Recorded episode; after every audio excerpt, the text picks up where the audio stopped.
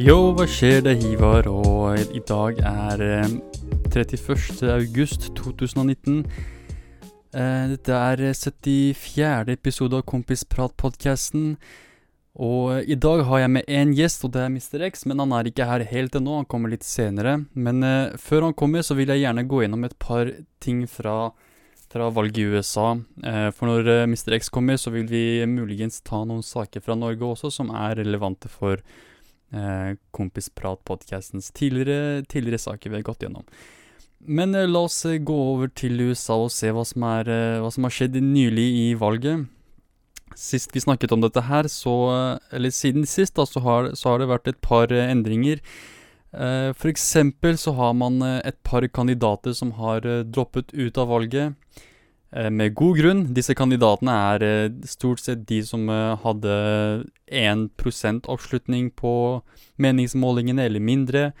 Um, han ene her, John Hickenlooper, jeg tror han, var, han hadde så mye som 0,2 eller 0,1% oppslutning på meningsmålingene, så det, det er veldig forståelig hvorfor eh, folk som John Hickenlooper har droppa ut. En andre person som også droppa ut, er Jay Inslee. Eh, han, eh, det er han som er eh, representativ for Washington. Den andre personen som også har droppet ut, er Kirsten, Kirsten Gillibrand. Uh, disse tre var med på, valg, på, på de to første debattene. Uh, Hickenlooper, Inslee og Gillibrand var alle tre med i debatten første, første kvelden og andre kvelden også. Men uh, en annen person som også har droppet ut, som ikke var med på debattene, er Seth Moulton. Hvem er eh, Seth Moulton? Hvem er John Hickenhopper? Hvem er Jay Inslee og Kirsten Gillibrand? Alle dette er legitime spørsmål. Eh, og svaret på det er hvem bryr seg? Egentlig, hvem bryr seg? Fordi de har droppet ut fordi de hadde veldig lite eh, Veldig lite støtte blant velgerne i USA. Veldig lite sannsynlig for at de i det hele tatt skulle ha en sjanse. Mange av disse kandidatene er enten eh, Joe Biden light eller Bernie Sanders light. Så hvorfor, hvorfor skal man støtte en light versjon av eh, de to kandidatene som, som du heller kan eh, velge? Som f.eks. Uh, Joe Biden eller Bernie Sanders. Hvorfor, hvorfor gå, gå etter en kandidat som er halvveis eh, Joe Biden eller halvveis Bernie Sanders? Bare gå, og ta Bernie Sanders. Eh, så hvilke kandidater er det igjen? da? Jo, det er Michael Bennett, eh, en annen person som bør droppe ut. Joe Biden, selvfølgelig. Cory Booker, som, som bør tenke på å droppe ut. Uh, Steve Bullock, som var uh, Han var med på eh, andre debatt, men ikke første debatt. Og jeg har ikke snakket så mye om han, men det eneste jeg liker med, med kampanjen til Steve Bullock, er at han har penger i politikk som en av sine, en av sine kjernesaker, da. Og det syns jeg er helt utrolig. Det syns jeg er jævlig bra. Det er, det, er, det er ingen andre kandidater på en lista her som har penger i politikken den problematikken rundt det da som et av sine topp fem problemer. Men så det at uh, Steve Bollock har det som sin første prioritet, er Det er et veldig godt tegn for han som kandidat, da. Det tenker jeg. Uh, en annen kandidat som fortsatt er med i valget, altså Pete Buttigieg. uh, Julian Castro er også med. Bill de Blasio er fortsatt der. John Delaney. Herregud. Både Bill de Blasio og John Delaney bør, bør, de bør vurdere å droppe ut. Jeg tror mange av disse kandidatene som ikke har droppet ut ennå, som eksempel eh, eh, Amy Klobuchar og uh, Beto O'Rourke, Tim Ryan og uh, ja Marianne Williamson også, til en viss grad. Mange av disse kandidatene har ikke droppet ut fordi de fortsatt har en viss mulighet til å, til å, til å bli kvalifisert for fjerde debattkveld. Jeg sier fjerde og ikke tredje, fordi tredje debattkveld, de kandidatene som skal være med på den debatten, har allerede blitt avgjort. Eh, 28. august var fristen for å oppnå en viss antall, eh, viss antall donører og vinne en viss antall eh, prosentpoeng i meningsmålingene. Um, mange av disse kandidatene møtte ikke opp, eller de, de nådde ikke disse, disse kriteriene. Eh, noen av dem nådde donørkriteriene, men de nådde ikke meningsmålingskriteriene, så de får ikke være med på neste debatt. Men kriteriene for eh, fjerde debatt, eller eh, eh, hva heter det Fristen, fristen for fjerde debatt er ennå ikke ferdig, så mange av disse kandidatene jeg tror de, de håper på å nå kriteriene inntil eh, fristen for fjerde debattkveld, så kanskje, kan, så kanskje de kan være med på fjerde debattkveld. Um, men uh, hvis jeg skal være helt ærlig, så er det egentlig håpløst. Hvis du ikke, du kan, uh, hvis du ikke du har nok til å møte opp på tredje debatt, så har du i hvert fall ikke mulighet til å møte opp på fjerde debatt. Uh, etter min mening så bør kriteriene være høyere ettersom valget går videre, for vi kan ikke ha ti folk på scenen i hver debatt. Må, vi må komme oss videre. Det, du, vi, kan ikke, vi kan ikke gå i selve primærvalgene med ti kandidater. Det blir for mye. Blir, da blir det kaotisk, og da blir det, da blir det ikke den personen som har størst eh, Ja, mest popularitet som vinner, men heller den som klarer å utnytte valgsystemet til sin, eh, til sin fordel.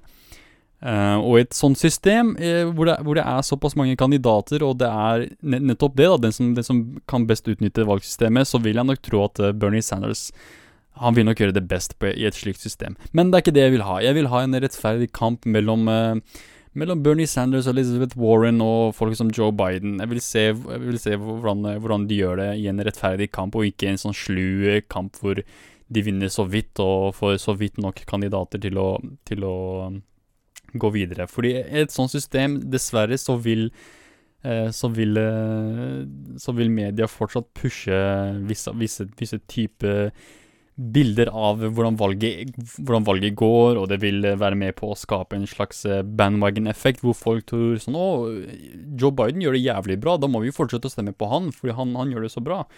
Det var det samme vi så med Hillary Clinton i 2016, hvor eh, folk stemte på Hillary Clinton ikke fordi nødvendigvis hun var den beste kandidaten og hun, hun eh, så ut, hadde best, best sjanse til å vinne, da, men heller fordi media alltid snakket om dette her som om hun allerede hadde vunnet. Og det fikk folk til å tenke ja, da, da stemmer vi på henne, fordi hun, hun, hadde, hun allerede vunnet. Når det egentlig ikke var faktum at hun fortsatt hadde vunnet. Hun hadde vunnet helt, helt ennå. Det var fortsatt veldig lenge igjen. Og det samme frykter jeg med dette valget, er at eh, media vil pushe tanken om at ah, Joe Biden han, han er førsteplass, han er frontrunner, han, det er han som leder i meningsmålingene, og det er han som leder i valget også. Bare se på, se på disse tallene vi har satt opp på, på skjermen, ser du ikke alle disse store tallene? Selvfølgelig er det Joe Biden som vinner. Og så plutselig stemmer folk på Joe Biden fordi de tror at uh, det er uunngåelig at Joe Biden vil vinne. Men i hvert fall, disse kandidatene har droppet ut, um, og det er jeg veldig glad for.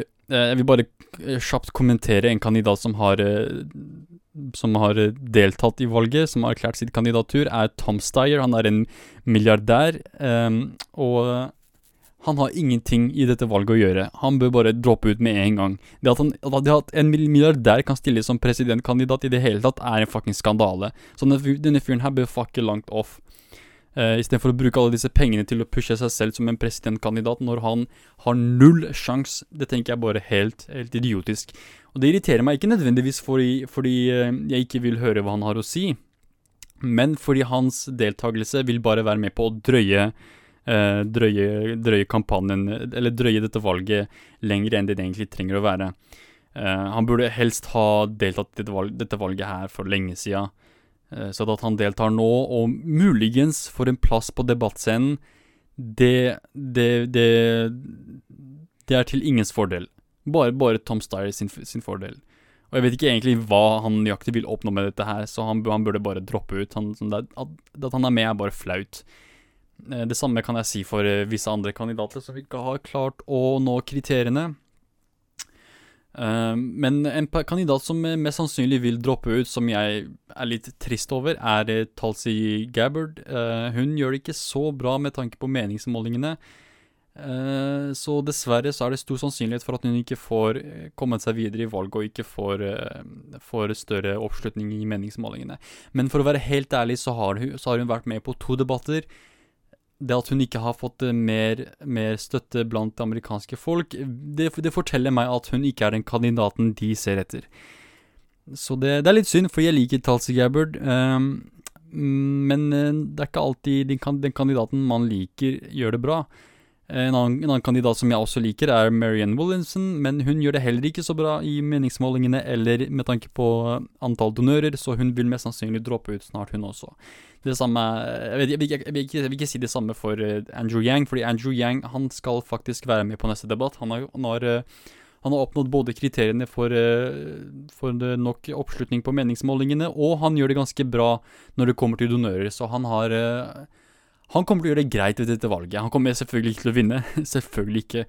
Men eh, jeg tror han vil i hvert fall gjøre et inntrykk og, og være med på å på en måte sette agendaen for hva som blir, blir diskutert på debatt, eh, debattscenen. Det håper jeg. Jeg håper han er litt mer aggressiv i å pushe sitt, eh, sine, sine, sine problemstillinger, da. Så det er det som er resultatet i det siste. Yes, la meg bare ta en kort pause, så kommer jeg tilbake for å diskutere mer om valget i USA. God damn, man.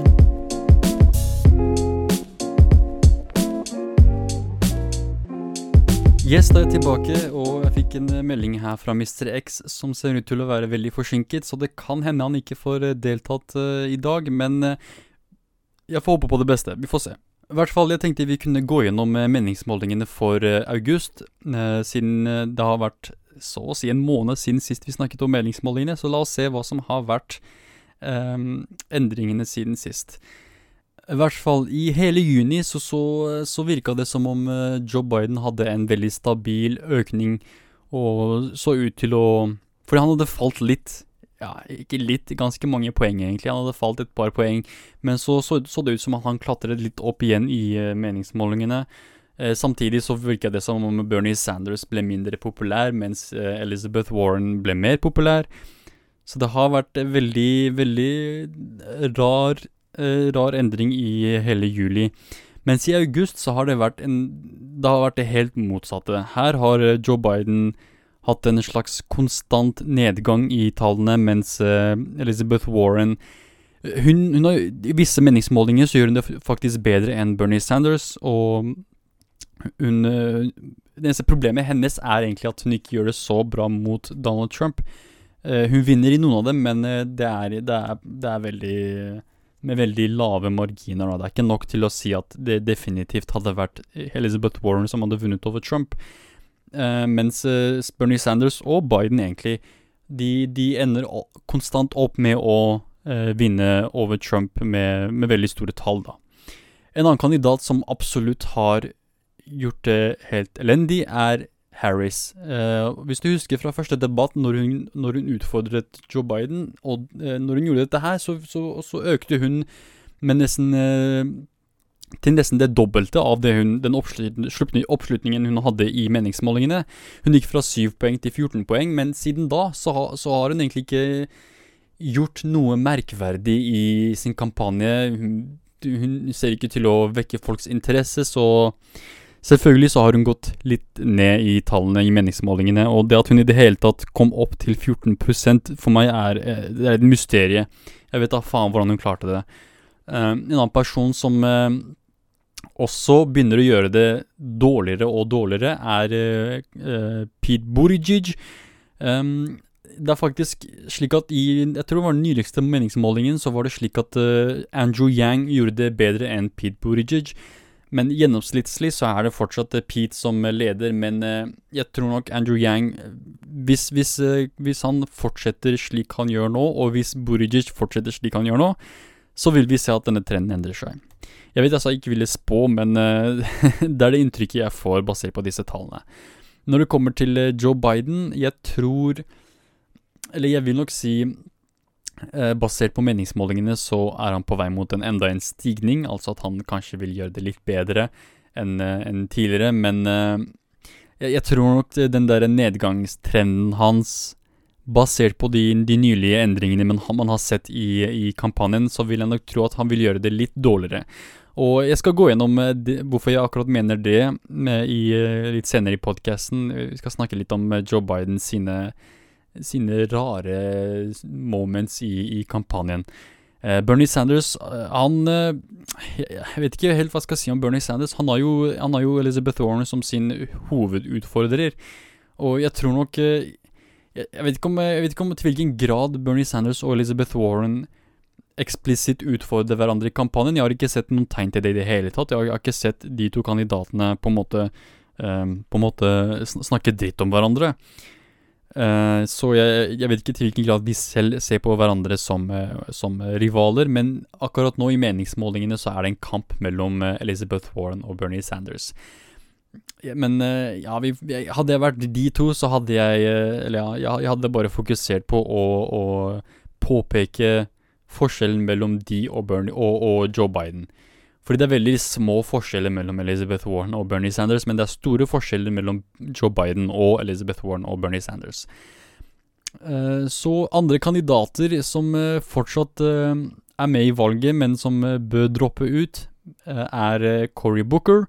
Han, han, gjør det også greit, sånn, ikke, ikke, bra, men sånn ok i meningsmålingene med sånn Jeg tror nyligste gjennomsnittet hans er 2,4 poeng. Eh, det samme er med Beto O'Rourke, som også er på 2,4 poeng. Og det som er litt morsomt, er at uh, både Booker og, uh, O'Rourke er, er profesjonelle politikere. Men de blir slått av Andrew Yang, som ikke har noe erfaring i politikken i det hele tatt. Så det er, veldig, det er et veldig godt tegn for, for, Andrew Yang, og et veldig dårlig tegn for to erfarne politikere. Så det var det om eh, meningsmålingene, så la meg ta en kort pause til, så kommer jeg tilbake for å snakke om eh, noen av de flaue moments i Joe Biden sin kampanje. Uh, ja, la meg ta en kort pause.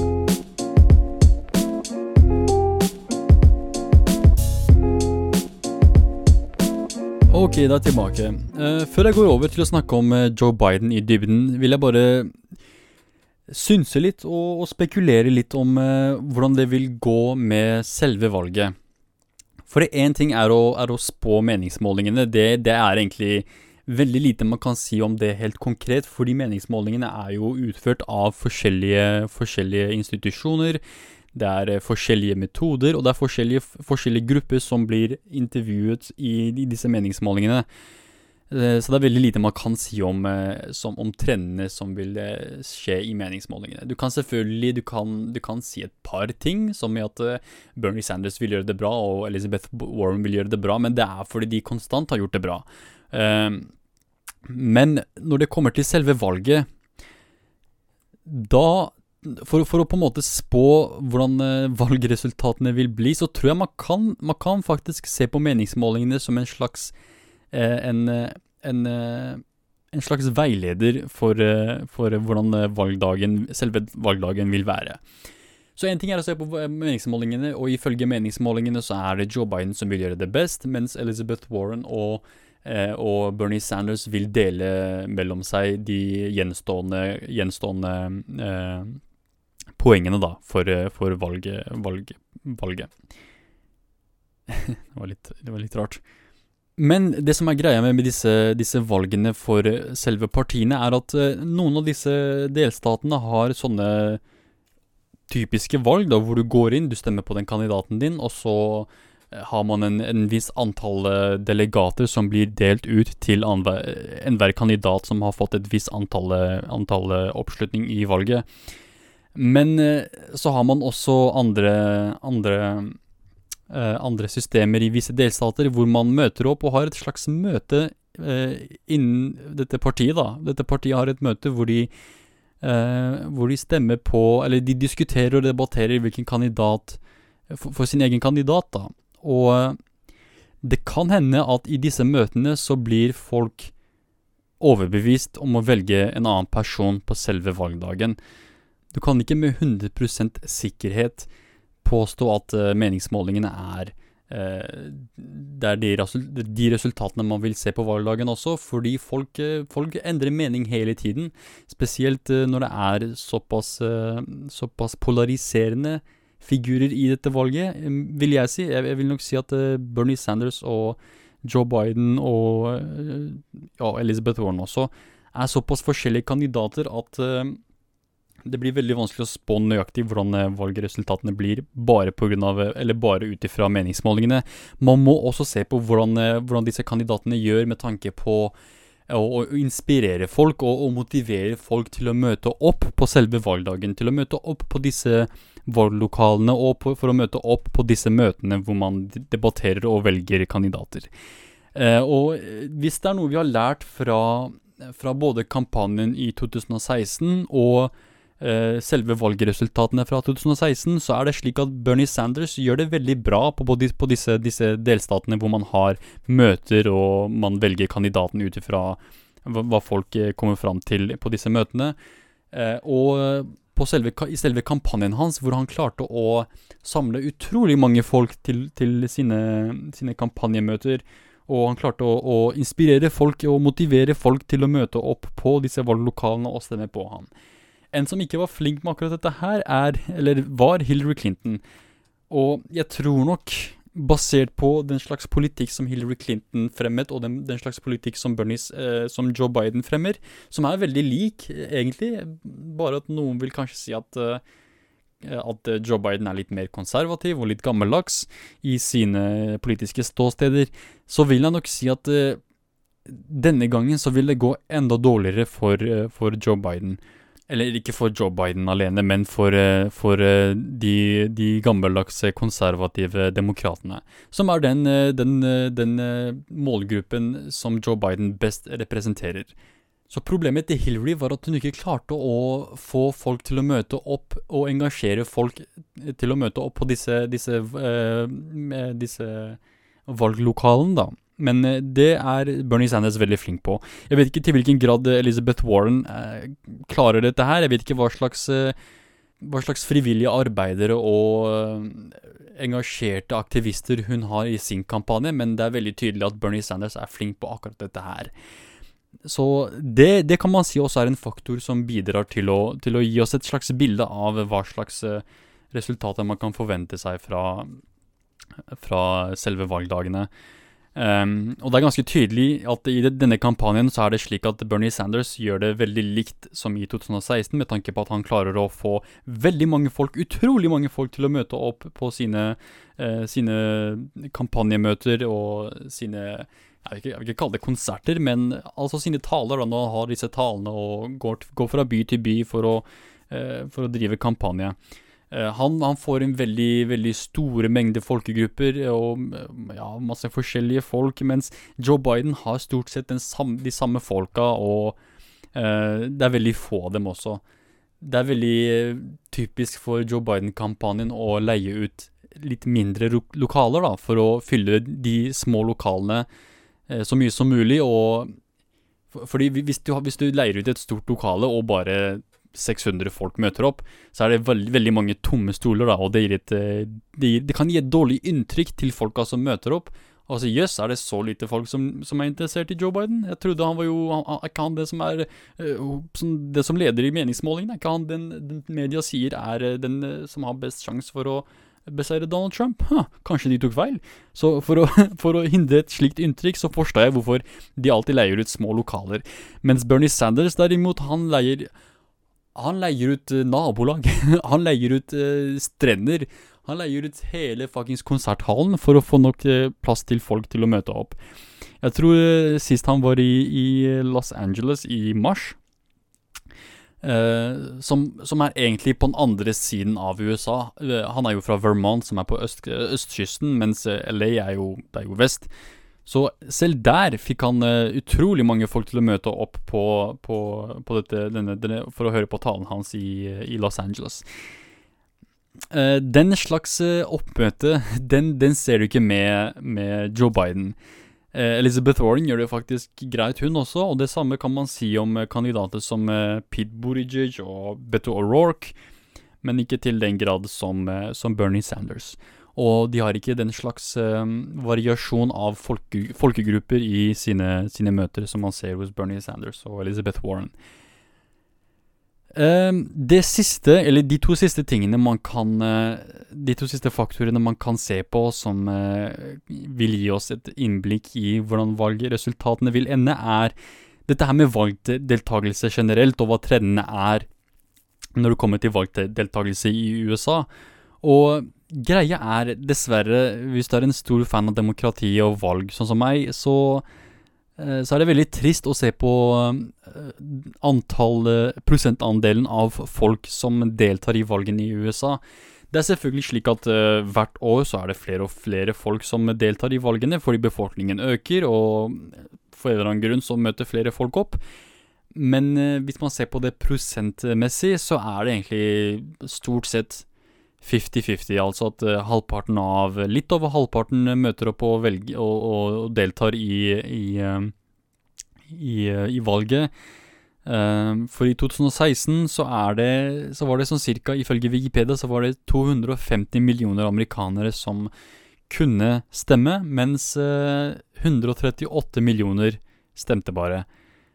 Så det, det er over 100 millioner som ikke stemte. Så det er, det er veldig, veldig Veldig mange folk som ikke stemmer i det hele tatt. Det er ganske brutalt, og ikke, jeg vet ikke til hvilken grad man kan, man kan si at resultatene er demokratiske når det så vidt er over halvparten som deltar i, i valgene. Um, men det kommer tilbake til dette her med hvem, hvem, er det, hvem, er det, som er den beste kandidaten til å engasjere sine velgere og engasjere sine supportere til å møte opp på valgdagen og faktisk stemme. Um, hvis uh, Det kommer helt an på Ja, det kommer an på hvilken kandidat som klarer det, og basert på, med, basert på tidligere trender i, i valgoppmøter Eh, så kan vi ikke forvente altfor mye. Så er, hvis, det er, hvis du ser f.eks. veldig mye støtte for enhver kandidat på meningsmålinger, betyr det nødvendigvis ikke at denne personen eh, som uh, i meningsmålingsundersøkelsen sier at de skal stemme på Bernie Sanders eller Joe Biden, nødvendigvis kommer til å møte opp på selve valgdagen.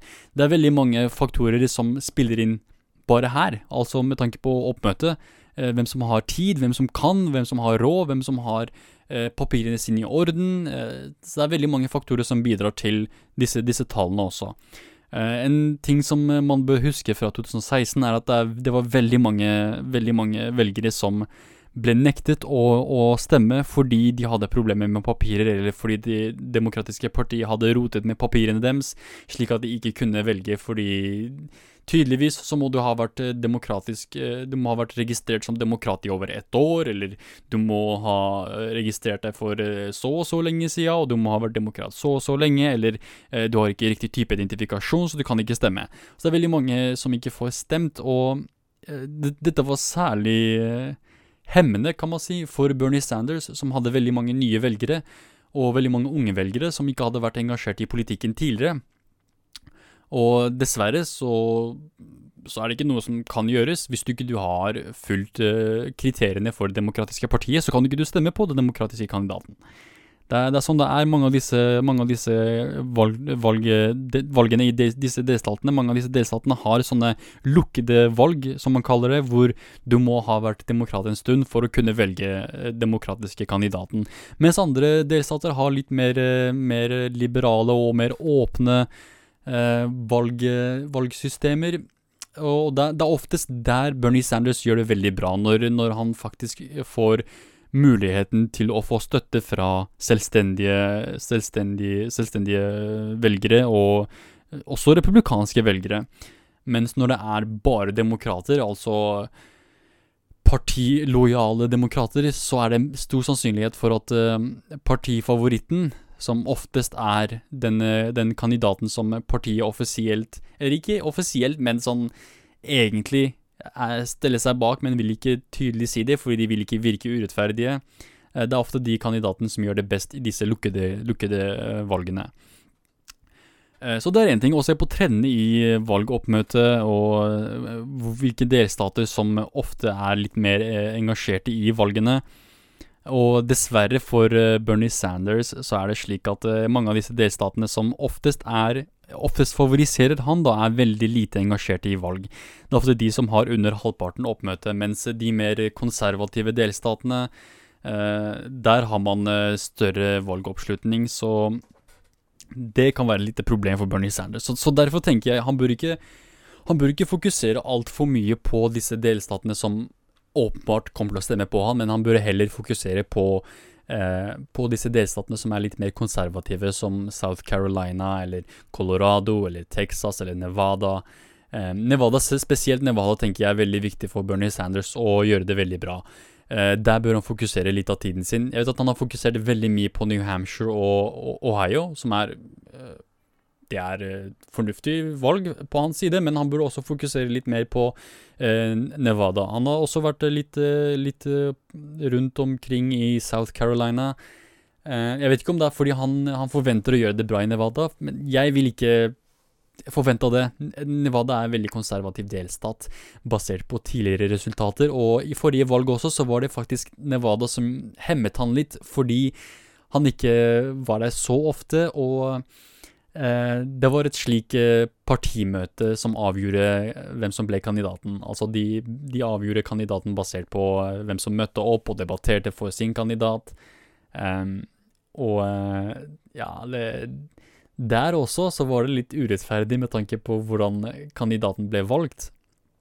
Fordi én ting er å ha folk som er til stede, og stelle seg i grupper og sier ja, denne gruppen her stemmer for Bernie Sanders, denne gruppen der stemmer for Elizabeth Warren, og den gruppa der stemmer for uh, Joe Biden. Så deler man uh, delegater basert på disse, disse kandidatene, da. Men uh, det som er litt trøbbel, eller det som var litt trøbbel sist gang, var at man hadde sånn uavgjort med, med tanke på poeng, da. Det var sånn 50-50, da. Og hvordan avgjør man det da? Jo, da, da, da da, da, flipper du en coin. Du, du, du, kaster mynt. Det er sånn du baserer valgresultatet i disse slike situasjoner. Og det er det jeg vil si er den uh, siste faktoren som avgjør uh, hvor, uh, hvor, valget går. Flaks. Altså hvor flaks du har som, et, som, en person, da. Og dessverre så har Bernie Sanders elendig sånn han, han, har, han har jeg liker å si dårlig flaks, men det er, ikke, det er ikke, noe man sier.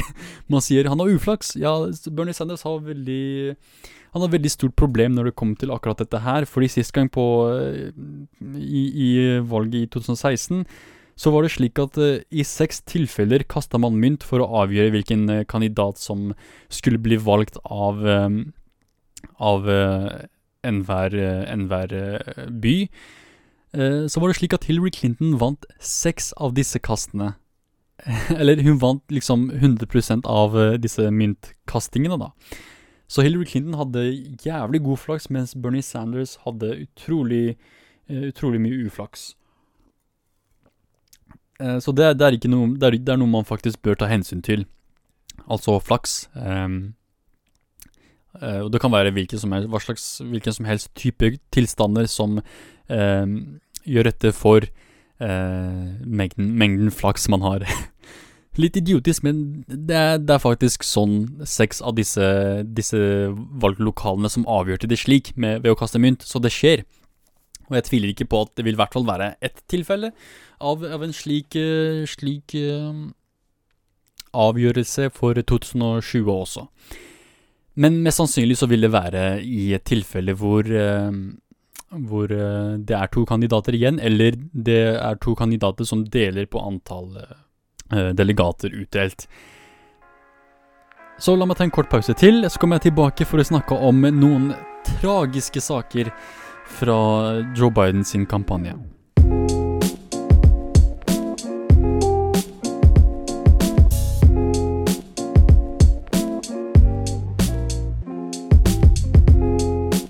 Yes, da er jeg tilbake, og nå kan vi snakke litt om eh, Joe Biden sin eh, problematiske kampanje, kan vi kalle det. Ja, jeg vil nok si det er veldig problematisk.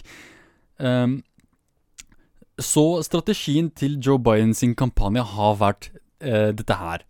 Snakk så lite som mulig, så gjør du det så bra som mulig. For det greia er at eh, hver gang Joe Biden åpner munnen sin, så putter han skoa i kjeften. Han klarer ikke å holde en eneste tale uten å drite seg helt ut eller si noe som er helt tåpelig. Og det er, jo, det er, jo, med på et inntrykk av at uh, kanskje han ikke er den beste kandidaten til å representere det demokratiske partiet. Uh, og det, slike saker har man en del eksempler av. For eksempel nylig, uh, eller ikke nylig, men for en stund siden, så var det slik at Joe Biden prøvde å, å virke som en slags liberal, progressiv kandidat. Eh, og så ville han si noe sånt som at eh, man ikke bør diskriminere eh, når det kommer til elever og hvor smarte de er. For, bare fordi du er fattig, betyr ikke at du ikke er en smart person. Det han prøvde å si, var at eh, bare fordi du er fattig, eh, så betyr ikke at du er mindre smart enn rike folk. Eller rike, li, eh, sånn fattige elever er like smarte som rike elever, Prøv, skulle han prøve å si, men i stedet sa han eh, fattige elever er like smarte som hvite elever. altså, i hans syn, da, som Freudian slip, så men, tenker han sikkert sånn òg. Eh, eh, fattige studenter er vanligvis utlendinger, eller ikke utlendinger, men eh, mørkhuda folk og folk som ikke er hvite, da. Eh, så det, er en måte han putta skoa i kjeften. En annen måte er at han nylig snakket om Jeg tror han snakket om eh, at han eh, Jo, for han var i New Hampshire, som er en av de, de første delstatene som eh, man har valg Hvor man har valg. Og mens han ble intervjuet foran masse, en haug av mikrofoner, så sa han dette her. I'm back. I've been here a number of times. Last time was, I think, uh, all the way back in 2014, but I've been here before that. I love this place. I lo- look, what's not to like about Vermont in terms of the beauty of it, and what a neat town. What a, I mean, this is sort of a scenic. Ja, hvis du ikke fikk det med deg, han sa hva er det ikke å elske med Vermont? Ja, jeg er sikker på at Vermont er en fin delstat, men du er i New Hampshire, så hva Hva er det du snakker om? Så det var, litt sånn Det var litt, litt sånn rart å si at han eh, roser Vermont når han er i New Hampshire. Kanskje han bare snakket feil, men igjen så, så er det litt for mange tilfeller av Joe Biden hvor han snakker litt feil. For her er det enda et eksempel hvor han sier noe feil. Because they invaded another country and annexed a significant portion of it called Crimea. He's saying that it was President, my boss, it was his fault. Så der, det ser ut til at han egentlig glemte navnet til Obama. Hvis, jeg vet ikke. Hvis, hvis du ikke prøvde å si Barack Obama, så hadde du, så hadde du ikke hatt den derre én sekund eller to sekunder med sånn komplett stillhet. Hør på det her igjen. He's saying that it was President, my boss, it was his fault. Der har du det. Så Uh, Så hvis Ja, du tenker sikkert Hvordan faen kan han glemme navnet til Barack Obama? Han var jo visepresidenten visepresidenten til Barack Obama. Vel, her er enda et klipp hvor han glemmer navnet til Obama igjen. Exactly what Rap Rock and I talked about in the Couldn't get beginning. it through. Nøyaktig. Det er akkurat det han og president Rabrock snakket om. Alle husker vel president Rabrock Obama? Han var jo en av de eh, mest eh, progressive presidentene noensinne. Så var dette her bare en talefeil? Muligens. Men hvordan, hvordan kan du gå fra Barack til Raprock? That's exactly what Rap Rock and I talked about in the beginning. it through. Raprock? Hva, hva er det du snakker om, mann? What the fuck? Hold, hold orden på navna hvis du først skal uh, prøve å argumentere for noe. That's exactly what Rap Rock and I talked about in the beginning. Åh, shit. Så dette er bare et eksempel av, av eh, at han glemmer hvor han er, det er én ting. Eh, han eh, har talefeil eh, og glemmer navnet til veldig viktige, viktige folk. Eh, men her er en annen, et, annet, et annet eksempel av Joe Biden hvor han sier noe feil igjen. My long friend, time friend, and she's a friend. She's been my friend in and out of public life. Ah, shit. Dette her er en av de beste klippene jeg har sett noensinne. Hør på dette her.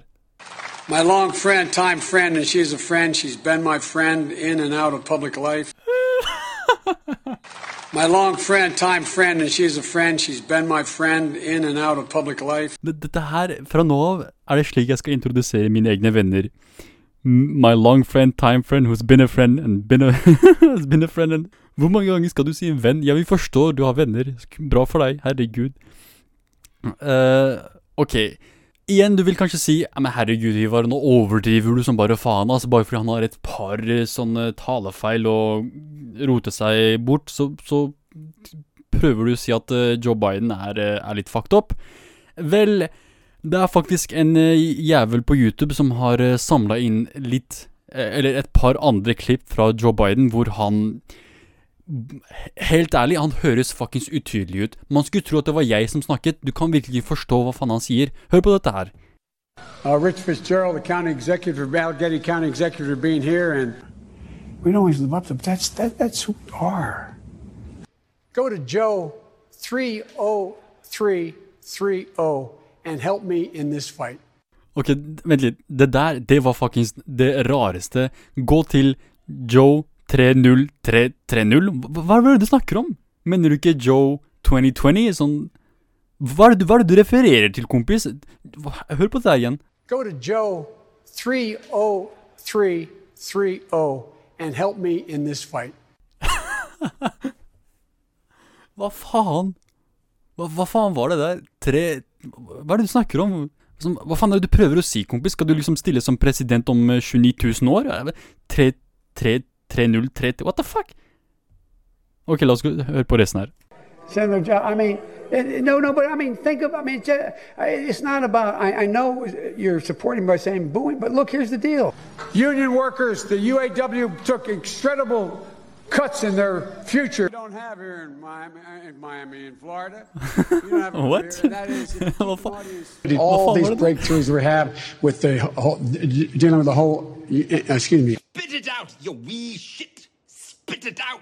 help people who have or, or in fact are and likely to get Alzheimer's by Wall Street bankers, CEOs, and hedge, and hedge fund managers. Poor kids are just as bright and just as talented as white kids. I found that Julian, excuse me, the secretary, we sat together in many meetings. My wife is a full-time teacher, taught all, all during being when we were vice president. But President Trump and the demagogues around, demagogues around the world, how can a person dignity be maintained? and she never yields. She does not break. She stands up. The bills that the president, that the, excuse me, the future president here, that that that the senator is talking about. We choose truth over facts.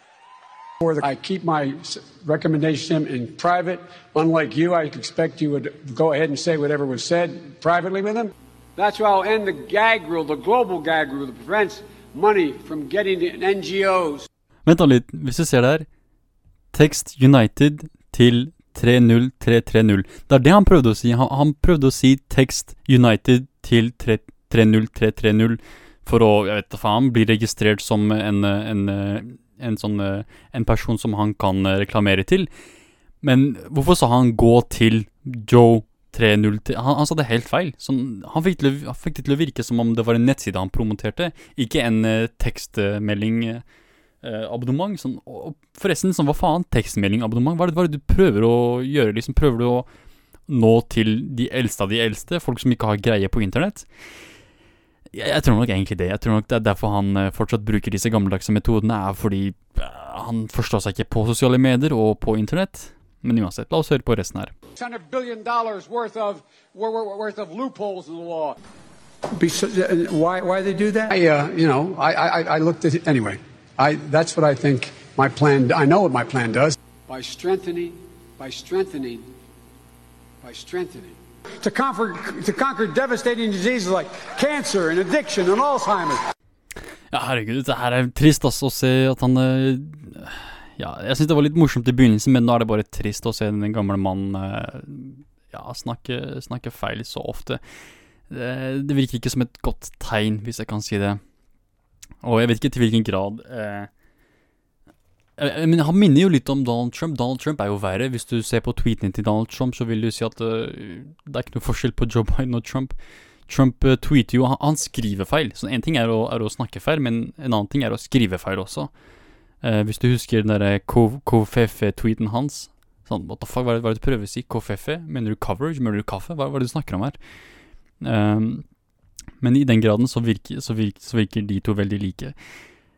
Så jeg ville bare, jeg bare vise dette her med Joe Biden om at eh, Ja, at han, han Han ser ikke ut til å være en flink eh, kandidat når det kommer til å drive kampanje. Og jeg, jeg vet ikke til hvilken grad han vil være en flink politiker også. Jeg vet ikke til hvilken grad han vil kunne overbevise eh, republikan... Ikke, ikke overbevise republikanerne, men få, få demokrater og republikanere til å stemme på de eh, valgforslagene han eh, kan komme med som president. Og jeg vet ikke til hvilken grad han vil være en flink eh, retorisk leder på akkurat det der. På akkurat eh, den delen der.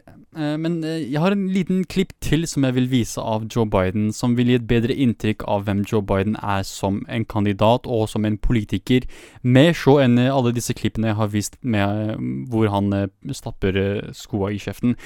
Her er et klipp som vil gi. Lobbyists aren't bad people. Special interest groups are not bad people. But guess what? They're corrosive. People who accept the money from them aren't bad people, but it's human nature. You go out, Lynn, and bundle $250,000 for me, all legal, And then you call me after I'm elected and say, Joe, I'd like to come and talk to you about something. You didn't buy me, but it's human nature. You helped me. Say, sure, Lynn. Så det er én ting. Her anerkjenner han hvordan systemet er eh, litt rart, da, men han sier ikke sånn nei takk til denne muligheten. Så hvis du faktisk gjør det han sier der, så innrømmer han ja, jeg vil selvfølgelig jeg vil høre, deg, høre hva du har å si. Han sier ikke jeg, jeg, jeg er imot dette her, og jeg vil helst ikke ha din støtte hvis eh, du vil ha spesiell behandling fra meg. Men her er noe som gir et litt bedre inntrykk fra en mer eh, forståelig Joe Biden. Hør på dette her. Senator, I'm sure that, that you would agree that, that your service in the Senate up to this point has, has not reflected any particular concern for the larger contributors. Well, the fortunate thing is I didn't have many larger contributors, and the only reason, see, I went to the big guys for the money. I was ready to prostitute myself in the, man, the manner in which I talk about it. But what happened was they said, come back when you're 40, son. And so I had to go out. So I had to go to a number of small contributors. Well, I, I, we, I think we're all grateful, Senator. You didn't take no for an answer. Jeez. Så han innrømmer der Han innrømmer at eh, han prøvde seg på de, eh, de store donørene, men eh, de vil ikke ha han.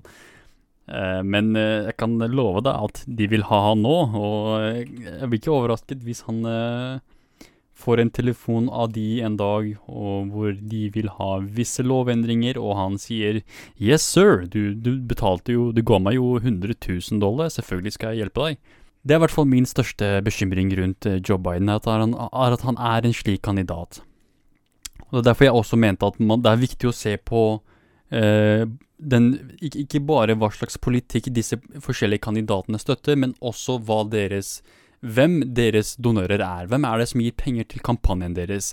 Er det slik som Bernie Sanders, hvor, det er, hvor du nekter å ta imot eh, penger fra politiske handlingskomiteer, eh, som eh, sparer opp masse penger, eller samler inn masse penger og gir til deg, eller samler inn masse penger og kjører reklamer for deg, eller kjører antireklamer mot, mot eh, motkandidatene dine for deg?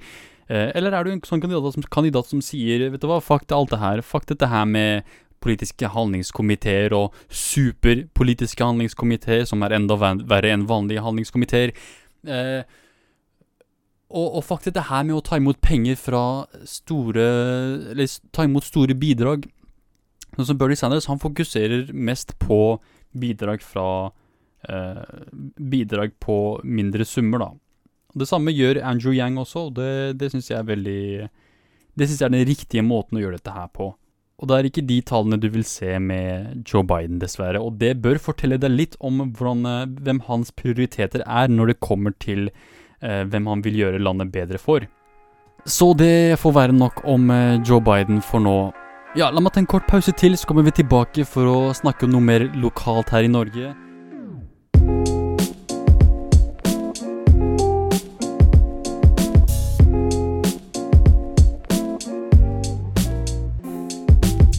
Yes, da er jeg tilbake. Ehm, først la meg bare forklare hvorfor jeg fokuserer så innmari mye på eh, amerikansk politikk framfor norsk politikk. Som sagt så er det jo valg her i Norge også, men likevel så fokuserer jeg mer på valg i USA. Det er fordi jeg mener at eh, det er mer enn nok eh, gode kilder av informasjon der ute som kan gi deg den informasjonen du du, du trenger, da, eller kan gi deg litt mer presis og riktig informasjon om og, og ærlige perspektiver da, og syn på eh, valgsituasjonen i Norge. Men når det kommer til valg i USA, så har jeg ikke Jeg, jeg ser virkelig ikke noen troverdige kilder som presenterer det perspektivet som jeg presenterer, som er et eh, pro-Bernie Sanders-perspektiv. Det perspektivet du mest sannsynlig vil se, er et pro-Joe Biden-perspektiv, eller Pete Buttigieg eller Kamala Harris, for en eller annen grunn. Eh, for en eller annen grunn Ja, jeg vet ikke hva en grunn er, men for en eller annen grunn så er det slik at eh, Så er det slik at eh, norske medier og norske såkalte eksperter bommer helt på sine analyser av amerikansk politikk. Og ikke for å si at jeg vet jævlig mye om dette her, men eh, jeg tenker i hvert fall mitt perspektiv er et perspektiv som du ikke vil få ellers i norske medier. Så det er det jeg prøver å supplementere med min, eh, min lille podkast er å tilby det perspektivet som du ellers ikke vil få i media. Eh, og det gjør jeg også til tider om eh, med, med norske saker også, så la oss gjøre det med noen nyheter fra Norge her. Skal vi se. Så det er eh, valg, eh, valgår i Norge, og det er veldig mange partier som har ungdomspartier som går, til, går fra skole til skole og holder disse debattene og har stands hvor de informerer elevene på disse videregående skolene om, om eh, sine plattformer. Fordi mange av disse elevene er førstegangsvelgere, spesielt de som fyller 18 år eller har fylt 18 år og, og kan velge i det året der. Eh, Så det er veldig viktig for eh, ungdomspartiene spesielt, da, også for å kunne rekruttere nye, nye medlemmer. Så de går fra skole til skole, som sagt, og, og fremmer sitt budskap, da. Og det som er interessant, er at eh, Venstre har et, de har et veldig interessant syn på ruspolitikken i Norge. De er nemlig blant de, blant de få partiene i Norge som vil endre ruspolitikken i Norge helt, fra å ha et, eh, en slags forbudspolitikk til å gå i en mer, eh, mer regulativ kan man si det, regulativ retning, hvor de heller vil legalisere og regulere eh, mildere rusmidler som cannabis. Jeg tror eh, det er slik at eh, moderpartiene til eh, Venstre vil også inkludere stoff som katt og LSD også. Men i hvert fall hovedproblemet her da, er at ungdomspartiet for Venstre forlot skoledebatten i protest etter at skoleledelsen nektet dem å ha, ha kampanje om, eh, om eh, legalisering av cannabis. Så greia er at de, har, de hadde et veldig kontroversielt og provoserende bilde av en joint, eh, og med, med, med skriften 'legaliser ehm, eh, Legalize it', altså legaliser det. Og dette, ja som sagt, dette var provoserende, og åpenbart så provoserte det lærerne på denne skolen, som gjorde at de reagerte veldig sterkt på disse ungdommene, og det gjorde at ungdommene tenkte, da, fuck det her, la oss bare stikke herfra. Så la oss se på en eh, video fra, fra, fra skolevalg. Så la oss se på en, eh, en video fra, fra skole, skoledebatten her.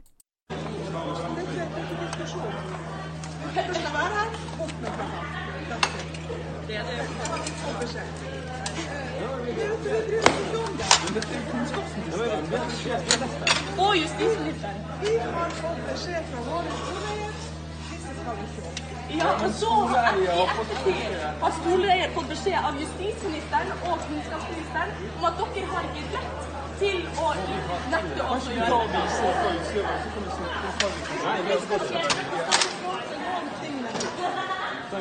Så enkelt det. Vil du hjelpe meg litt? eh? Ja, klart jeg kan hjelpe. Super. Da skal jeg ringe til min og eh, det som vi har fått beskjed Nei, jeg har det. Det her er tyveri. Det her er tyveri. Det her er tyveri.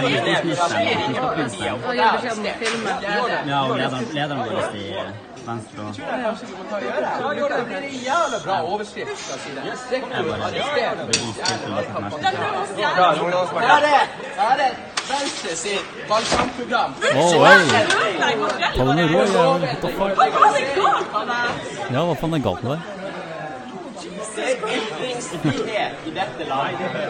Å, oi! Det er ikke ytringsfrihet i dette landet. Hør! Ah, fuck off. Men greia er alle de andre ungdomspartiene backer oss, ikke fordi at de er enige, men fordi at de mener at vi skal få lov til å ytre våre mening. Wow. Og det som Det er er, imponerende. er justisministeren og kunnskapsministeren har sagt at vi har all rett til å ha våre standpunkt, sånn som alle de andre partiene har lov til å ha dem.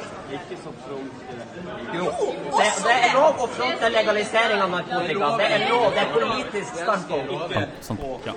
Jo, det kan ikke Det er sensur av ytringsfrihet. Det er sensur. Men jeg, det vi kan gjøre veldig enkelt. Hvis du ønsker å gå på den linja, så stiller ikke vi opp. Ja, da går vi. Da drar vi ikke og stiller opp i debatten. Det er helt greit. Det er alternativet. Da får han ingen ytringsfrihet. Da blir det ikke noen skoledebatt. Wow. Så det endte med at uh, de avlyste dette her fordi de så på dette som sensur. Og hvis de først skal ha sensur, så hvorfor faen skal man ha en debatt i det hele tatt hvis det ikke er uh, mulighet for å fritt eh, kam ha, drive kampanje, da? Og jeg skal være ærlig, det er, jo selvfølgelig provoserende plakat med en eh, joint i hånda med peace-tegn og med, med påskriften 'legalize it'. Det er, det er veldig jeg, jeg vil ikke si det er sånn superkontroversielt. Jeg har, sett, eh, jeg har sagt mer kontroversielle ting, men for et sånn eh, mainstream parti som Venstre, eller Unge Venstre, da, så er dette her eh, tydeligvis noe som sterkt provoserer skolene. Så mener at dette her er promotering av eh, det de kaller narkotikabruk, men noe jeg vil kalle cannabisbruk. Sånn, hold det, hold det til det stoffet det er snakk om. Det, det står ikke eh, legalisere narkotika, det står legalize it med, med tegnet av en joint, altså cannabis. Så det er snakk om cannabis. Hvis du først skal anklage den for noe så tåpelig som eh, ved å promotere en viss politisk standpunkt, så promoterer du selve handlingen. Hvis du, hvis du er så dum nok til å Sorry, men hvis du, hvis du faktisk er så dum som forveksler eh, politisk standpunkt med eh, personlig livsstil eh, og promoteringen av visse livsstiler, eh, så bør du helst være korrekt i det du sier, med tanke på hva slags stoff det er snakk om, eh, snakk om her. Ehm, og det er jo helt tåpelig. Det er en av, de, et av de dummeste måtene du kan se på dette her, er at eh, hvis du eh, mener at eh, man skal endre narkotikapolitikken, unnskyld, ruspolitikken i Norge, så støtter du dermed bruken av rusmidler også. Da, da sliter du litt med, med, med med logisk tenking, kan vi si det? Da sliter du med logisk tenking. Og så vidt jeg vet, så er eh, så er, eh, så er det slik at alle som studerer ved Universitetet i Norge, har om, eh, om filosofene, de vestlige filosofene eh, fra Aten og fra eldgamle Hellas. Og under disse Under den perioden så lærer man om logisk tenking. Du lærer om hvordan du kan formulere argumenter. Men likevel er det såpass mange dumme folk der ute som tror at eh, politisk standpunkt er lik promotering av visse livsstiler. Så det samme kan man si om òg. Hvis, hvis du støtter tanken om, eh, om, om eh, kvinners rett til å bruke abort, så promoterer du tanken om å ta abort. Altså at du dermed sier eh, alle bør ta abort. Sånn yo, la oss, la oss, la oss gjøre slik at alle kan ta abort. Eh, eller la, la oss oppfordre til bruk av abort. Eller ja, til, til å ta abort, da. Nei, det er ikke det du sier. Det du sier, er at en kvinne skal kunne bestemme selv. Du sier ikke som 'å, ta abort', fuckings, det, det er det vi vil, vi vil at du skal ta abort. Det, det er det samme med rusmidler, bare fordi vi, fordi vi sier at eh, kriminalisering ikke er den riktige veien å gå, betyr ikke at vi, vi syns det er greit å bruke eh, dette som en metode i alle tilfeller, at alle bør begynne å bruke eh, rusmidler. Det samme er det med hvis du er en av de som, eh, som eh, tenker på at det er på tide å regulere, og, og, og regulere prostitusjon også. Eh, altså kjøp av sex. Du vil, eh, du vil gjøre det tryggere for de som driver med dette her, og du vil eh, slå ned på ulovlig eh, menneskehandel. Eller all menneskehandel er jo ulovlig menneskehandel, men bare fordi du, du på en måte støtter et regulert system da, som et politisk standpunkt, betyr det dermed ikke at du promoterer tanken om, eh, om, om, eh, om prostitusjon, da. Om at er eh, kjøp av sex bør være noe som eh, alle, alle gjør, da. Dette bør være en utbredt aktivitet.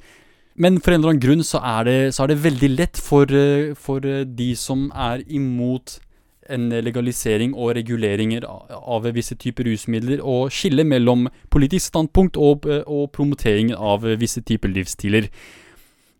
Og det er det jeg tror kilden er til denne konflikten, er at disse lærerne forstår ikke dette her. De, de ser på det som en slags trussel at uh, ungdomspartier kommer og promoterer tanken om å uh, legalisere og regulere cannabis. Uh, de tenker å, men det vil gjøre det slik at ungdom tror at det er greit å bruke rusmidler. Eh, og det vil de ikke ha noe eh, av. Eh, og spesielt i, rundt dette området her, i Tromsø og Bodø osv., så, videre, så har man Spesielt i Bodø så har man jo et problem med med, med rusbruk, da. At det er veldig mye bruk av cannabis på skolene. Så en artikkel skrevet av Elise Holdal, Martin Hall Larsen og Pål Hansen skriver eh, skriver her All ungdom, alle ungdomspartiene i Tromsø forlot skoledebatt i protest da skoleledelsen nektet Unge Venstre å kjøre kampanje om å legalisere cannabis. Eh, de ble fysisk stoppet av skoleledelsen da de var i gang med å sette opp eh, roll-upen som har et bilde av en hånd som holder en joint, og slagordet 'legalize it'. Og det er selvfølgelig den videoen vi så. Så hva er det Hva, hva, hva har disse folka sagt i etterkant? Vel, rektor K Kristin Halvorsen sier til NRK den ansatte tok i roll-upen ved to anledninger, men var ikke fysisk mot noen i valglokalet, noe som enkelte medier påstår. Ok, det, ikke, det er ikke som om han slo til kiden, selvfølgelig ikke. Um, skal vi se her Fylkesutdanningssjef Børre Krudtå sier til NRK at de ikke på noen som helst måte har hindret noen fra å benytte seg av ytringsfriheten. Hæ? Virkelig? Skal du virkelig påstå det, kompis? Skal, skal jeg spille av videoen på nytt, hvor han duden tar tak i eh, plakaten, som er en ytring? Eh, bare fordi det ikke kommer ut av kjeften til noen, betyr ikke at det ikke er en ytring.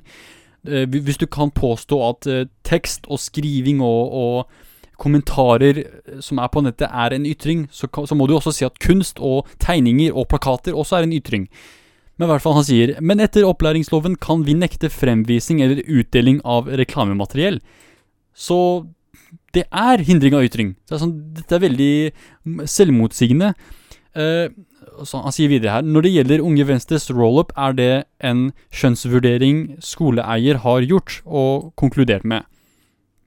Eh, han forteller at Unge Venstre på andre skoledebatter har avslått fra å bruke roll-upen, men at de på Breivang ikke gjorde det. Eh, Bård Altmann, læreren som skulle lede debatten, vil ikke kommentere saken til NRK. Han sier de først skal snakke med fylkeskommunen, som driver de videregående skolene. Og assisterende rektor eh, Bente Kile, som avbrøt krangelen mellom læreren og ungdomspolitikerne. Eh, I den videoen vi nettopp så, skal vi høre at hun sier vi har fått beskjed fra skoleeier at plakaten, plakaten skal bort fordi det er et brudd på opplæringsloven. Ehm, og fylkesleder i Unge Høyre, Tonje Nilsen, eh, er klar på at eh, dette at dette kan ikke ungdomspartiene godta, selv om eh, de ikke nødvendigvis er enige i budskapet. Så selv Unge Høyre, som ikke er enig med selve det politiske, det politiske ståstedet, mener at dette er feil å hindre, hindre Venstre fra å drive politisk kampanje. Dette er et brudd på ytringsfriheten, sier hun. Hvis Unge Venstre ikke skal få lov til å kjøre en legaliser hasj-kampanje på bakgrunn av at det kan skade ungdommer fordi ledelsen er personlig uenig, hvorfor skal vi i Unge Høyre få lov til å snakke om pils i park eller uh, de andre partiene om sin politikk? Veldig godt argument. eh, for spesielt eh, Frp og Høyre er jo eh, folk som snakker om dette her med pils i parken, f.eks. Og jeg, jeg tviler på at hvis, hvis de hadde hengt opp en plakat som sier 'lovliggjør pils i parken', så hadde denne skakke læreren og disse fucka lærerne kommet og dratt eh, fuckings plakaten deres og, og hindret dem fra å snakke. Det, det tviler jeg sterkt på. Uh, Unge Venstre må få muligheten til å fremme sine standpunkter, uavhengig av hva vi måtte mene om dem, konkluderer hun her. Også eh, Arbeiderpartiets ungdomspolitiske talsperson Martin Henriksen eh, har eh, kommentert dette her. Ifølge NRK så har han reagert sterkt på det som skjedde på Breivang videregående, og han sier det er helt uhørt å sette munnkurv på et politisk ungdomsparti på denne måten vi ser her, og at de nektes å komme med et politisk budskap. Eh, Ap er selvsagt helt uenige om forslaget om å legalisere hasj, men det tar vi heller i debatten. Så både Høyre og eh, Arbeiderpartiet er ikke nødvendigvis enige, og eh, Ap er tydelig uenig med Unge Venstre om å legalisere hasj. Så hvis du er en person som støtter tanken om å legalisere cannabis, så vet du hvor i hvert fall Høyre og Ap står, og du vet hvilket parti du bør støtte, altså Venstre. Eh, Eller Unge Venstre, i hvert fall. da. Hvis du er ungdomsaktiv eh, ungdomspolitiker, så du, du, du, er, dette er en sak du brenner for, gå og eh, meld deg på med Unge Venstre. Dette er veldig bra promotion for Unge Venstre. Um, skal vi se her, Han konkluderer med at eh, vi forventer at rektor og utdanningssjefer over hele landet eh, ikke hindrer den politiske debatten. Eh, ja, det, det er veldig gode, gode, gode kommentarer, med unntak av at eh, de tydeligvis er uenige med, med budskapet. Men det er veldig godt å se at det er solidaritet mellom disse ungdomspartiene. eh, som et resultat av denne sensuren av Unge Venstre her. Jeg vet ikke, ass. Jeg, når jeg gikk på videregående skole og ungdomsskoleperioden min, jeg var en veldig aggressiv liten dritt. Så jeg kan love deg at hvis jeg hadde vært uh, han fyren som uh, fikk plakaten sin dratt, uh, dratt vekk, og hadde den læreren der, med, det, med den attituden der, kommet fram til meg og sagt noe sånt så, som det, det han gjorde det, det, det å hindre dem å dra plakaten Jeg er ikke en voldelig Eller jeg var en voldelig person på den tiden. jeg hadde veldig mange problemer på den tiden. Heldigvis så er jeg ikke en slik person lenger. Men jeg kan love deg at jeg hadde smakka til den jævelen som Hva faen er det du driver med, kamerat? Kom deg fuckings vekk! Som hva faen? What the fuck? Jeg, jeg hadde gått helt fuckings Ali G på den jævelen og smakka han ned med pikken min sånn yo, fuck off, man. Sånn bitch-slappa han til fuckings uh, andre univers. Sorry, ass. Sorry, det var, det var ikke meningen å promotere vold her, for det er jo, det er jo ikke det jeg er for. Jeg, støtter ikke, jeg støtter ikke bruken av vold, det må jeg tydeliggjøre. Uh, det er veldig viktig at uh, folk vet dette her, at uh, vold er ikke greit, og det er ikke greit å bruke eh, Altså, og, det er ikke greit å ta, ta tak i folk og slappe dem rundt og alt det der, og du kan ikke, du kan ikke være sånn, eh, sånn slik fysisk eh, aggressiv da, mot, eh, mot folk som du er politisk uenig med. Sånn som denne læreren, da, han var jo fysisk aggressiv mot disse kidsa, hvor han tok tak i dem. Dette er snakk om ungdom, dette er snakk om kids. Du kan ikke reagere på den måten her når du er en voksen mann. Det, såpass må du vite at dette her er, selv om det er til en viss grad intelligente barn som er politisk aktive og kan en del om ting her i verden, så betyr det dermed ikke at du kan eh, reagere på den måten du gjorde. Det er veldig intimiderende, det er veldig skummelt. Eh, og visse elever som er fucka i huet, som jeg pleide å være, kan kanskje ta det som et uh, veldig Ja, de kan ta det på en feil måte, da, og reagere tilbake og bruke fysisk uh, aggresjon tilbake. Så vær forsiktig med, med hva faen du gjør. Hold, bare drit i det. Hvis du, hvis du er uenig, si det til den, si det rett ut. Sånn yo, eh, du kan ikke ha det der. Ikke, ikke driv og ta tak i det. Sånn, hva faen er det du driver med? Hvor fucka i huet er du? Ikke bli fornærma, kompis. Sånn, eh, du må bare vite at det du gjorde var feil, og jeg håper du kommer ut og sier unnskyld. Hvis ikke, så er du, en, eh, så er du rett og slett en drittsekk. Det er det, er det du er. Eh, og grunnen til at jeg eh, så tydelig så tydelig fordømmer fysisk aggresjon, er fordi eh, Ja, det er også noe som skjedde i Tromsø. Skal vi se her, Aftenposten skriver Tromsø kvinne på 65 er dømt for hatefull ytring etter Facebook-kommentar. Eh, Dette er en artikkel skrevet av NTB. Skal vi se her. En kvinne fra Tromsø er i Nord-Trøms tingrett dømt for hatefulle ytringer etter å ha skrevet at en moské burde bommes. ok, så dette er, er eh, langt mer eh, aggressiv enn det jeg foreslo i forrige, forrige, forrige nyhetssak. Men i hvert fall, skal vi se her. Eh, NTB skriver kvinnen erkjente straffskyld da hun møtte i tingretten.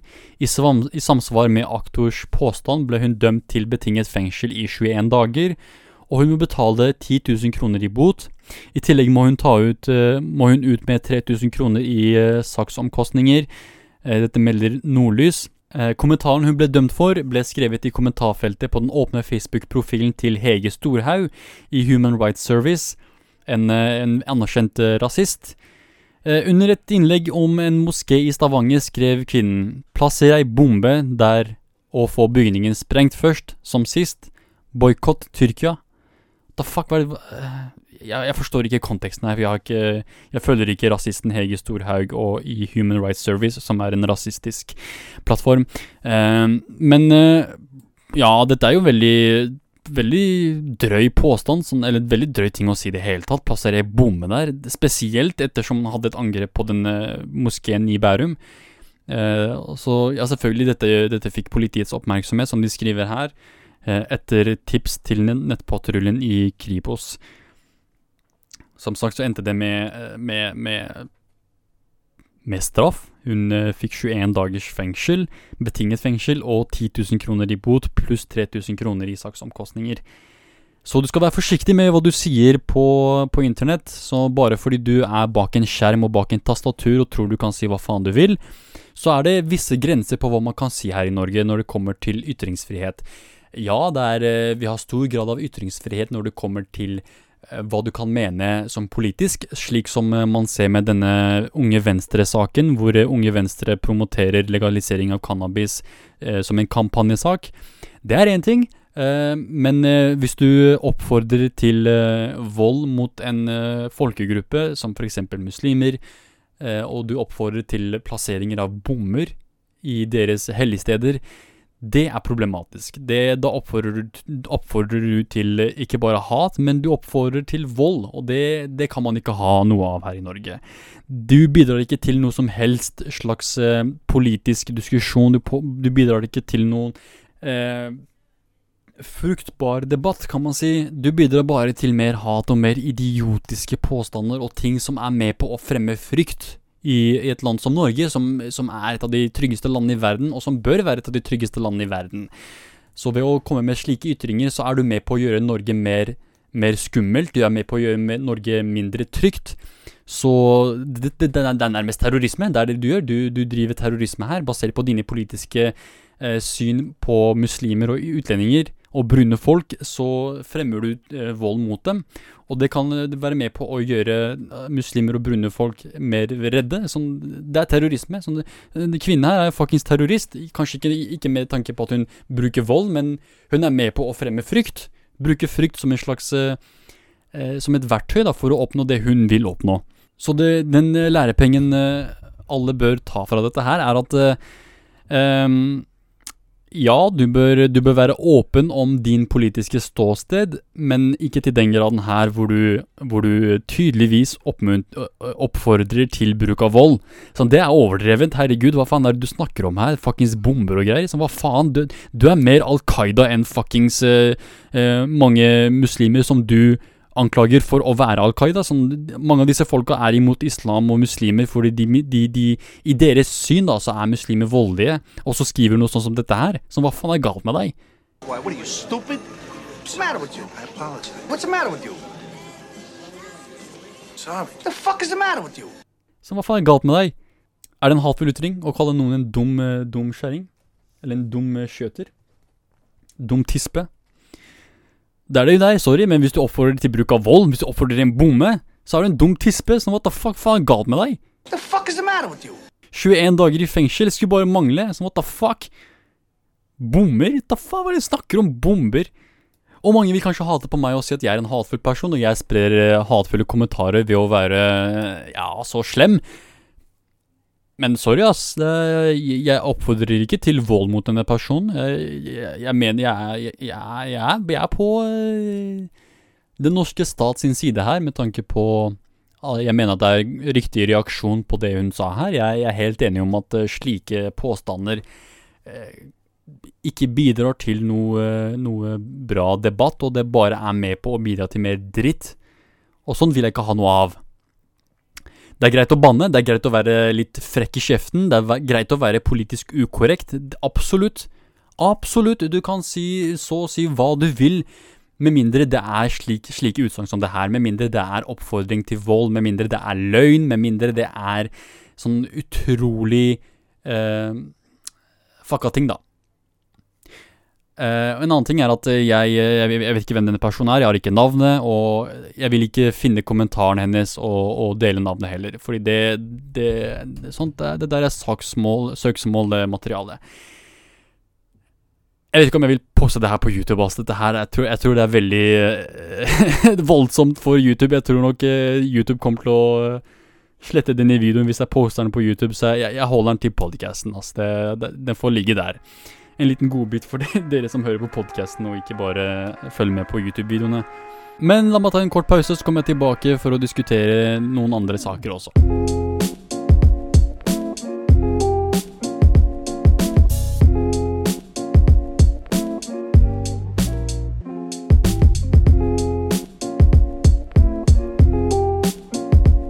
Alright, jeg er tilbake fra pausen. Um, la meg dele dette her med dere. For eh, et par måneder siden så satt jeg på T-banen på vei hjem etter en lang togtur eh, fra, fra fuckings eh, familien, og så skulle jeg tilbake til leiligheten i Oslo. Så sitter jeg på T-banen er sånn fuckings sliten og greier. Um, og så mens jeg sitter på T-banen, så merker jeg at en dude som sitter foran meg på andre sete, driver og stirrer litt på meg. Og sånn, jeg blir sånn litt creepa ut. Sånn yo, what the fuck, hva faen er det du stirrer på? Sånn, jeg har ikke noe sukker, hva faen vil du, hva, hva vil du ha fra meg, liksom? Så jeg blir litt forvirra, da. Så jeg tenker sånn, hm, kanskje, kanskje bare enda en raring i Oslo. Sånn, Oslo er full av fuckings Fullt av rare jævler. Um, for dagen før det, så mens jeg satt på T-banen, og når jeg gikk av T-banen, Uh, Skutt på- på vei til leiligheten etter en hard fuckings dag på jobb. Fuckings åtte timers lang skift. Uh, og så går jeg av T-banen, skal jeg til leiligheten, så kommer det to fuckings uh, ungdom som stirrer jævlig på meg. Jeg tenker sånn, what the fuck? Hva stirrer dere på, ikke sant? Og så kommer de bort og sier sånn, neger!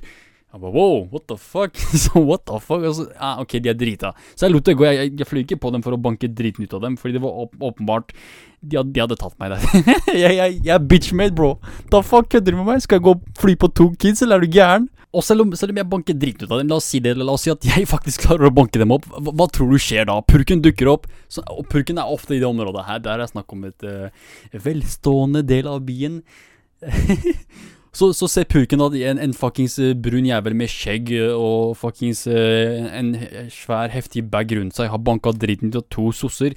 Så hva faen tror du skjer da? Hvem, hvem sin side tror du purken kommer til å være på da? Purken som nå er bevæpnet. Tror du jeg skal liksom fuckings si noe? Fuck det, mann. Jeg bare lar det gå. Kødder du med meg? Shit, men hadde det vært to andreklassinger som fuckings barn, jeg hadde ikke banka dem, jeg hadde sagt ja, ikke si sånt da, hva faen?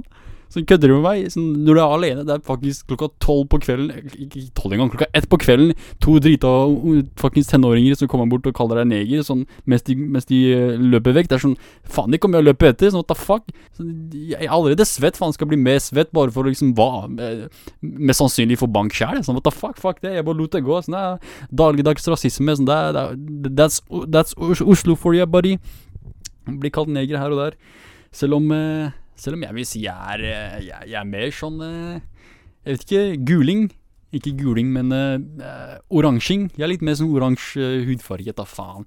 Sånn, det spørs hvor jeg har vært på ferie. Hvis jeg har vært på ferie med et sted hvor det er litt mer med sol, da kan du kalle meg en fuckings uh, brun jævel. Sånn, da, da er jeg brun. Men hvis jeg tilbringer to-tre år her i Norge, så Ja, det blir, ikke, det blir ikke mye sol, så da blir man litt, litt hvitere, da. Så jeg, jeg ble litt forvirra. Sånn, egentlig, når de sa neger, jeg, jeg så litt rundt meg, bare hvor? Men også de, ah, det er meg, de snakker om meg her. Jeg bare, fuck, det, det var litt slemt, gutta. Men eh, ja, så, så jeg, jeg har litt sånn eh, Jeg er litt vant til at uh, Oslo-folk er litt uh, creepy, at de stirrer litt på deg. Forresten, en annen fortelling. et par dager før det igjen, så uh, skulle jeg til jobb, da. Er sånn, ok, den, Denne storyen jeg fortalte, var på vei hjem fra jobb. Dette her er når jeg skal til jobb. Så det er fuckings tidlig på morgenen. Det er eh, tidlig i tror det var i eh, tidlig mai. Tidlig mai eller tidlig juni.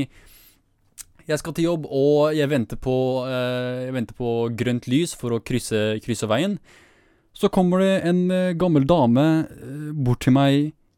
Sånn, først stirrer hun på meg. Som vanlig så er det så mye stirring jeg blir sånn ukomfortabel. Bare, yes, disse, de, disse gamle folka har ikke sett en farga mann før. Så jeg bare, ah, whatever, stirr så mye du vil. Jeg er fucking supermodel. Sånn, du liker stilen min, bitch. You, you like what I got, bitch. jeg tenker litt sånn Hvis du stirrer jævlig, det er det jeg tenker. Jeg tenker, ja, liker stilen min. Det er, det er bra, det er bra dere liker stilen min, folkens. Jeg, jeg liker oppmerksomheten, ass. Eh, men i hvert fall, de stirrer litt, og så kommer de bort. eh, så, kommer de dame, gamle dama nærmere seg først. Jeg «Å, unnskyld, liksom. Jeg bare, yo, eh, hva kan jeg hjelpe deg med, ikke sant? Ta, ta, ta, tar av meg øreproppene.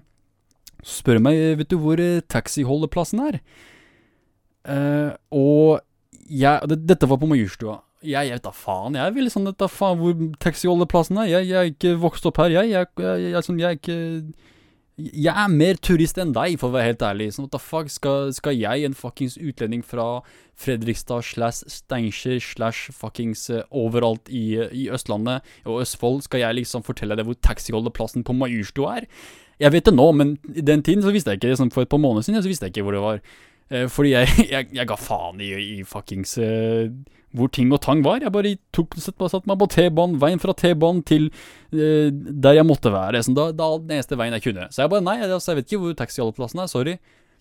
Uh, og så sier hun ja, ok, ja, ja vel. Og så går hun, da. Og så plutselig kommer typen hennes, da. Han kommer tilbake til meg og sier yo, hvor er det du er fra? Jeg bare «Jeg Vestby. Jeg sa helt ærlig, jeg sa ikke jeg er kurder. Jeg sa jeg er fra Vestby. Sånn, det, det er det første som kom til meg. Sånn, jeg er fra Vestby, jeg er ikke, jeg er ikke fra Majorstua, jeg er ikke fra Oslo engang. Jeg, jeg, jeg er fuckings fra Vestby, yo. Fuckings Vestby-utlending, hva faen vil du? Eh, og så sier han ja, vet du hva, hvis du skal komme til landet mitt, så forventer jeg at du skal vite hvor ting er. Jeg bare hæ? What the fuck? Hva slags, hva slags type forventning er det å ha fra, fra utlendinger? At de skal, hvis de kommer til eh, Norge, Som bare fordi vi utlendinger kjører taxi, så skal jeg vite hvilken, hvilken, hvor hvilken som helst og hvilken enhver taxiholdeplass er. Så hva slags fucking stereotypisk jævel er du, morapuler? What the fuck? Kom deg vekk fra meg, kompis, hva før jeg fucking slapper til deg, gamle jævel. Sånn, ikke, ikke la meg legge til et par tiår i alderen din, gamle jævel, tenkte jeg liksom. Men jeg, bare sånn, jeg ble litt satt ut, helt ærlig. Sånn, ting er å bli kalt fuckings neger midt på kvelden, men en annen ting er når eh, du får en slags sånn eh, ekkel kommentar mens du venter på fuckings eh, grønt lys. Sånn i åpen, eh, sånn gate når det er dag og greier. Jeg blir sånn satt ut. Jeg bare what the fuck? Sånn, hva faen? Jeg begynte å smile. Hva kødder du med meg? Sånn, for jeg, jeg, jeg skal være ærlig, jeg har opplevd mange sånne dypt rasistiske ting sånn, fra jeg da var kid. Fuck, fra, fuck, da jeg fuckings gikk i andre, tredje klasse, fuckings fjerde, femte. Sånn, gjennom hele barndommen min har folk vært fuckings ekle fuckings rasister. Spesielt nordmenn. Fuckings, når utlendinger er rasister, jeg bare ler, fordi jeg, det er fuckings utlendinger, bro. Vi er, vi er alle samme Vi er opp- alle opplevd like mye dritt. Men når det, er, når det er en nordmann som er litt rasistisk, så er det litt mer sånn ekstra ekkelt. Det er sånn, what the fuck, eh, er er du seriøs nå? Sånn, det er ofte den reaksjonen jeg får, da. Fordi jeg er jo ikke Jeg er jo ikke en person som, eh, som eh, reagerer på den måten at jeg liksom skal si Å, jævla rashistorie. Sånn. Jeg pleide å være sånn da jeg var litt yngre. Når, nei, når på ungdomsskoleperioden, da, da tok jeg liksom Da kalte jeg folk rasister når de ikke var rasister engang. Og da fuckings Da var jeg aggressiv liten drittunge. Men det var av hormoner og fordi jeg var kåt jævel og jeg fikk ikke noe fitte, så jeg, jeg tok det utover folk og begynte å slåss og greier. Mens nå er situasjonen litt bedre, så jeg er litt mer, mer avslappa person, så jeg tar ikke sånn personlig. Sånn Jeg har ikke vært sånn siden jeg begynte på universitetet, egentlig. Sånn, jeg, jeg har vært avslappende kar. Sånn, tar, det, tar det med ro. Livet er for godt til å stresse over ting. Livet er godt for å være en voldelig jævel. Så tar det ikke sånt altfor personlig, så jeg bare ledde av denne gamle jævelen. Sånn seriøst, kødder du med meg? What the fuck? Dumme fuckings jævel, tenkte jeg sånn. What the fuck? Kom deg vekk herfra, tenkte jeg. ikke sant? Og dama, kona hans, hun ble sånn sjokkert. Det var som om hun ikke, hun kunne ikke tro at eh, han Dun sa noe sånt. Og det var ikke, sånn, det, var ikke, det, det er ikke det verste jeg har hørt, sånn, av, av alle sånn, rasistskalaen fra da jeg var kid til nå. Nei, det er ikke det verste jeg har hørt. Sånn, herregud, kødder med det? Der var fuckings uh, hvis, vi snakker, hvis vi skal sammenligne det med yoghurtsmak, så, var- så var det der liksom uh, naturell yoghurt. Det er sånn bland ra racism. Sånn, jeg, jeg blir ikke påvirka engang. Jeg, jeg, jeg synes bare det er litt sånn tåpelig. Sånn, the fuck? Kom deg vekk, kompis. Sånn, du er åpenbart Du vet ikke hva du snakker om her. Sånn, du, du er ikke du, du tror det er, sånn, du klarer ikke å overbevise meg om at du er en uh, dyp rasist. Du, du bare virker tullete, liksom. Men uh, hun dama bare sånn Å, fuck, uh, oh, sorry, ass. Hvordan kan du si noe sånt? Hun- vil kjefte på mannen sin. Jeg beklager så mye. Jeg beklager så innmari. Jeg bare, det går bra, sånn, fuck. Det det er ingenting. Så går jeg på jobb, da, og gjør, gjør det jeg skal. Betale skatt. Er en, er en riktig god, god medborger.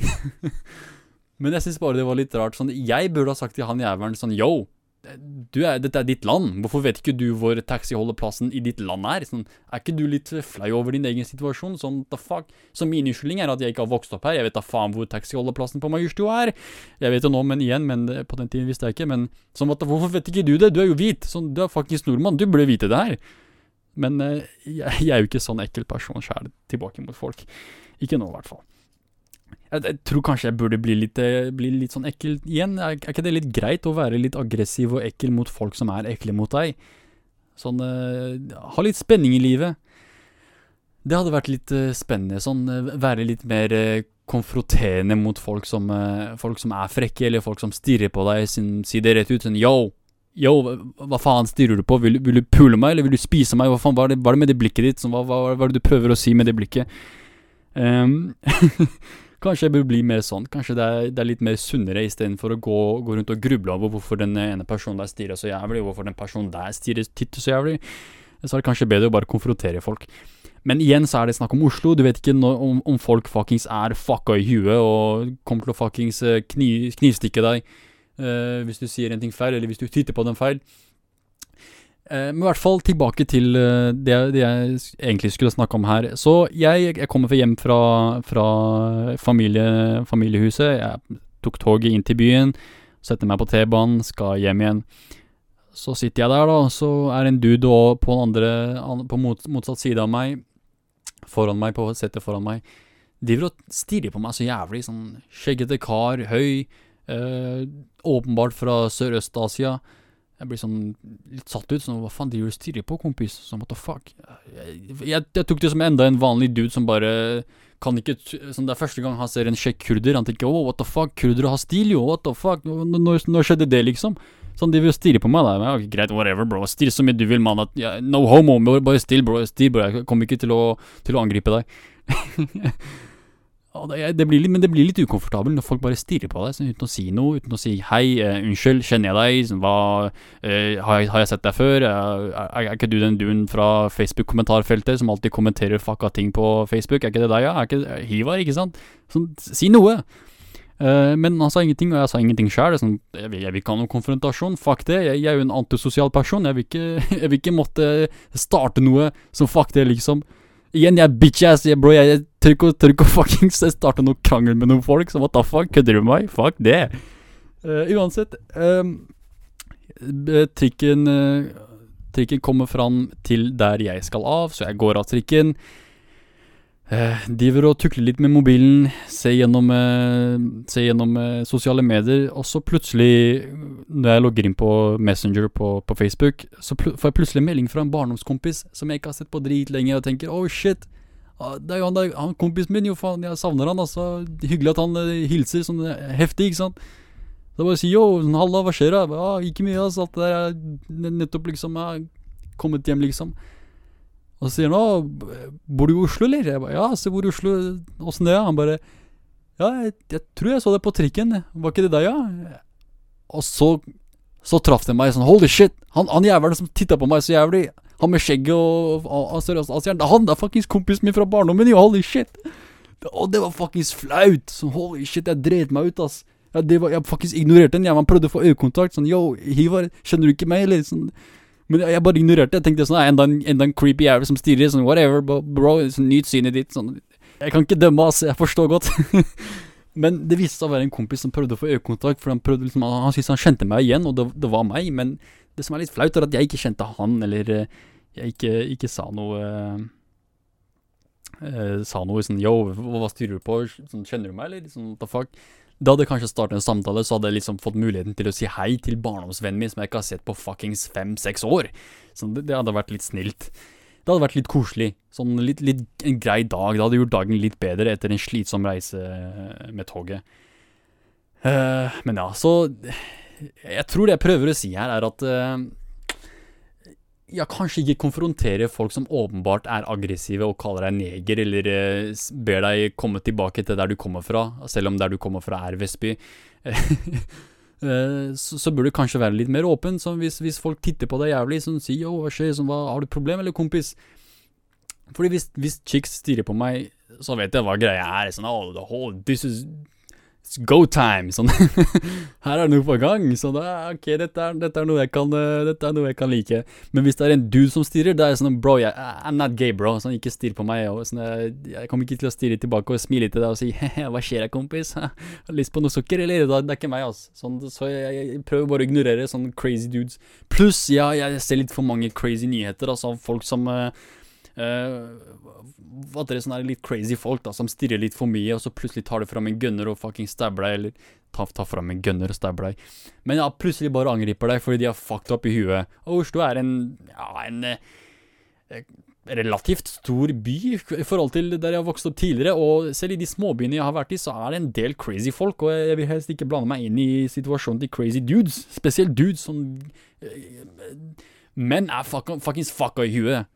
Sånn, eh, så jeg, jeg holdt meg helst unna, men akkurat der så var det litt flaut. Så jeg tenker, hvis du kan, eller hvis du har muligheten til å konfrontere folk som titter jævlig på deg, selv om, selv om du blir litt intimidert, sånn fuck it, man, sånn, si, si, si yo, hva faen vil du, eller yo, er, er, er det noe problem, eller kan jeg hjelpe deg med noe, eller hva skjer da? Så en, en viktig lærepenge som jeg lærte på den harde måten, er å ikke være så jævlig antisosial på trikken. Er, selv, om, selv om dere er på trikken og dere reiser i en liten boks sammen, så betyr det nødvendigvis ikke at du ikke kan snakke med personen som, eh, som du møter på trikken.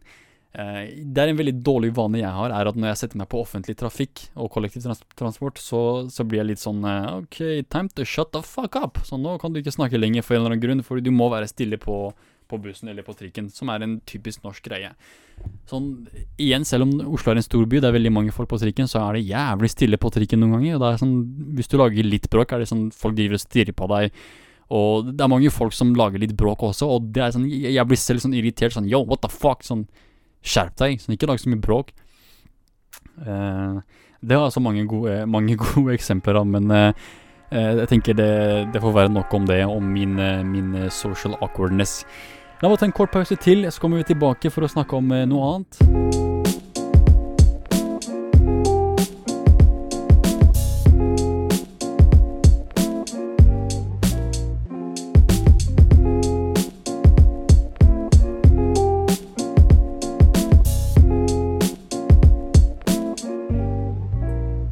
Yes, da er jeg tilbake fra pausen, og denne gangen så har jeg med meg gjesten min, eh, Mr. X. Halla, Mr. X, hva skjer da? Mr. Sex. No, no. Uh, no, what up, uh, Haver? Ikke mye, ass. Så jeg, jeg snakket en del om uh, amerikansk politikk, og jeg snakket litt om også den derre der cannabis-saken til Unge Venstre. Så altså greia er at eh, de, de hadde en eh, sånn plakat som var veldig provoserende, ifølge skolen og ifølge rektor og den ene læreren. Og det resulterte med at eh, i, sånn, i praksis så var det sensur, som de fikk ikke lov til å vise frem den plakaten. Så det var sens sensur, du får ikke dele denne politiske, dette politiske ståstedet, fordi de tror det på en måte eh, gir inntrykk av at det er greit å bruke rusmidler. Så det var, det var på en måte veldig mange, mange av de ungdomspartiene som mente at det var helt fucked up, og det endte til slutt med at uh, det ikke ble noen debatt i det hele tatt, fordi ingen ville delta i et uh, delta i en debatt på en skole hvor det var liksom sensur på gang, da. Så det var liksom en, et shitshow, så det var helt tåpelig hvordan eh, lærerne reagerte. Um, men det, det som er interessant, da, er at uh, dette er snakk om Unge Venstre, som uh, åpner for uh, Eller de, de sier at de vil på en måte regulere og legalisere cannabis. Men det som er interessant nå, er at Olav Elvestuen, som er miljøvernminister, og han er også fra moderpartiet til Unge Venstre, altså Venstre Og ifølge Dagbladet så står det slik at han mener at det skal være greit å legalisere eh, alle, ikke alle typer rusmidler, men eh, det, det Dagbladet kaller flere narkotiske stoffer. Så jeg antar de mener flere, flere rusmidler. Eh, så en ting er å snakke om cannabis, men en annen ting er å eh, åpne for eh, ja, sånn andre typer rusmidler også. Sånn, eh, som LSD, katt, eh, MDMA, ecstasy. Og personlig så er jeg også, jeg er også der hvor jeg mener at man bør regulere og legalisere ikke bare cannabis, det, det bør være første steget. Det burde liksom ha vært gjort for lenge siden.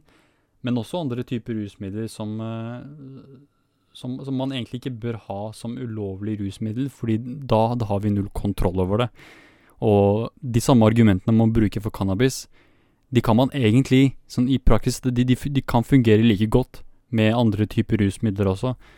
Eh, og det samme med så, sånn, gi, gi meg et argument for, eh, for legalisering av cannabis, Mr. X. Bare gi meg et.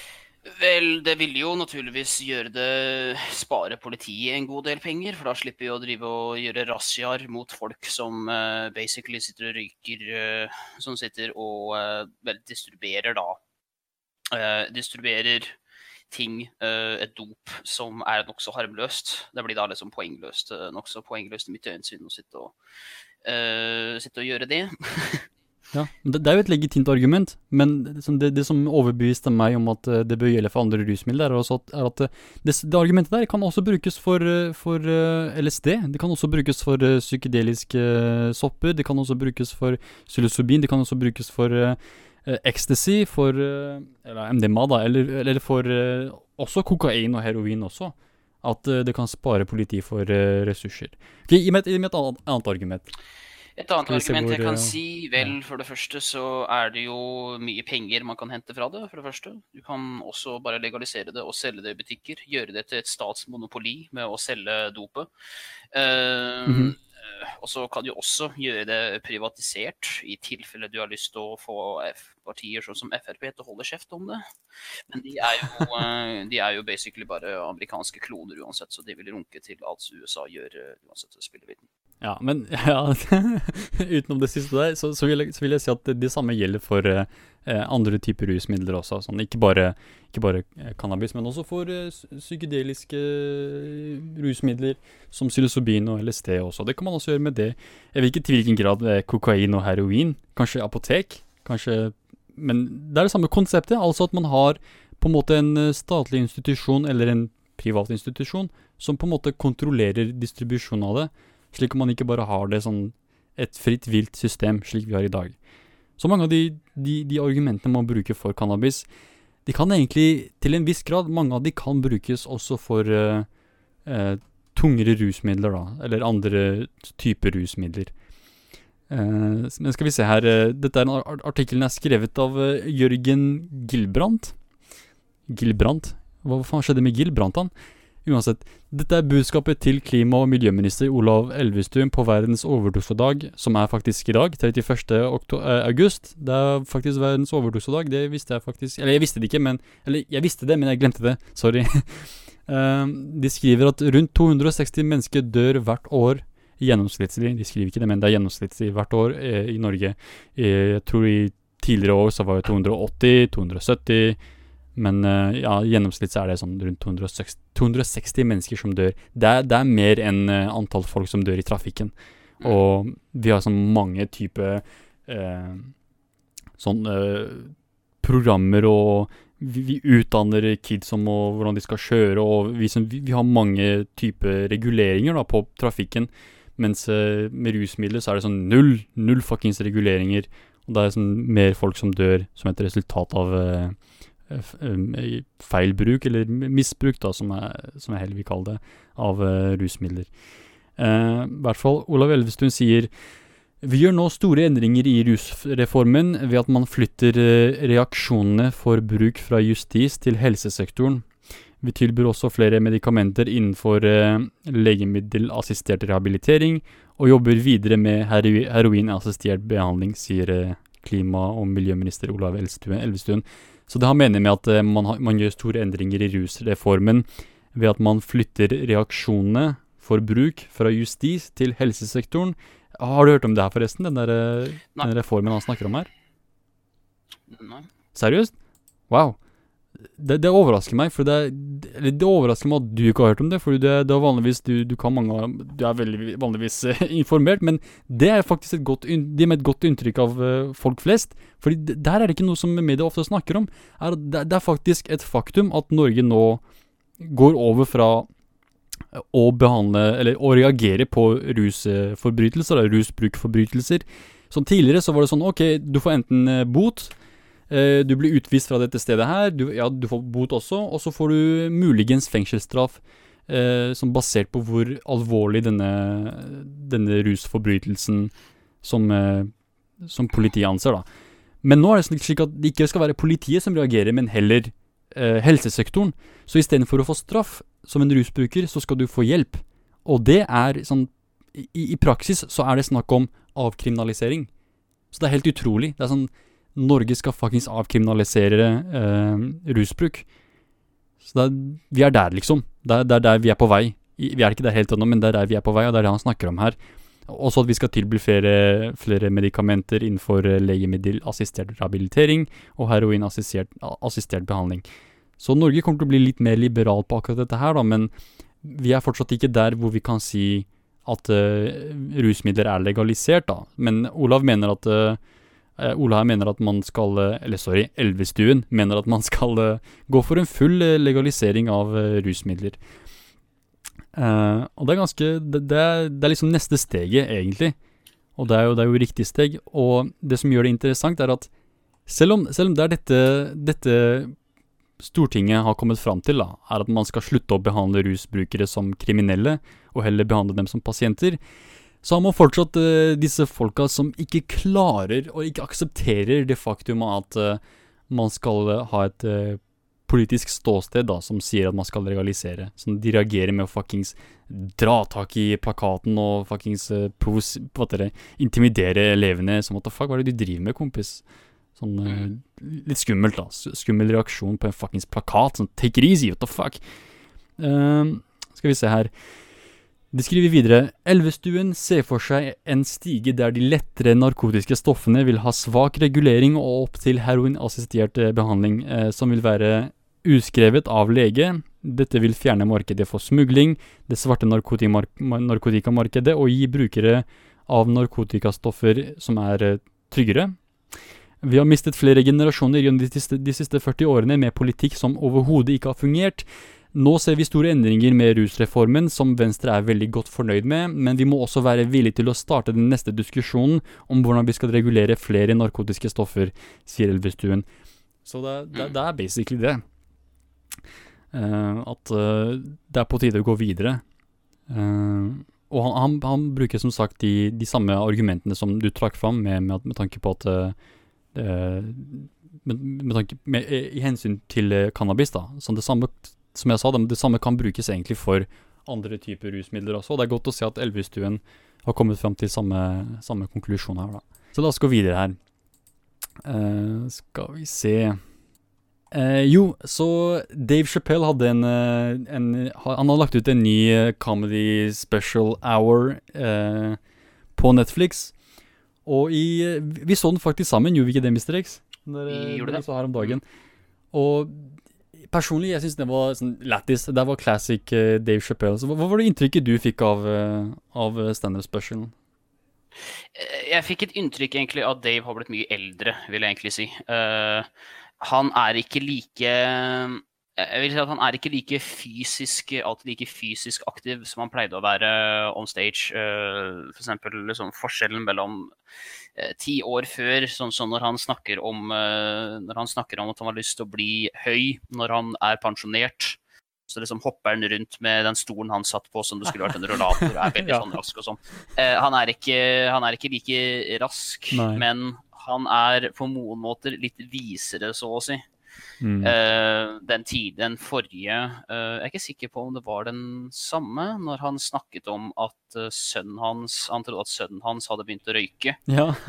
Så sa han da at I got found the paper. No. okay, now I know where all this poetry is coming from. So I grabbed it, smoked a lot of weed that I hid from the from the rest of the family. And I got paranoid, and I put it back where I found it. Så- det, det er liksom classic, classic fucking Dave. Det er sånn ehm, han- går litt eh, drøyt noen ganger med tanke på da at uh, fuckings uh, Han gjør litt fucka ting, da, sånn som at han uh, blazer weed foran, og, foran kidsa og krangler med kona si og begynner å imitere kinesere foran henne og så alt det der. Sånn tullete. sånn Åpenbart sånn komedie. Sånn, det, er, det er sånn bare vitser, ikke sant? Det er ikke, det er ikke noe mer enn det. Det er ikke som om uh, Jeg, jeg tviler Altså, han, er på en, at eh, han, er en, ja. han er en komiker. Ja. tar, vi kommer jo til hvem som ikke takler det etter hvert. Men Ja. uh, det er det han er. Det er jobben hans. Basically. Det er sånn, jobben din er å være der og være kontroversiell, og samtidig få latter ut av um, det som vanligvis er sånn vanskelige temaer for folk å håndtere, da. Sånn som det, det som han har havnet i trøbbel for.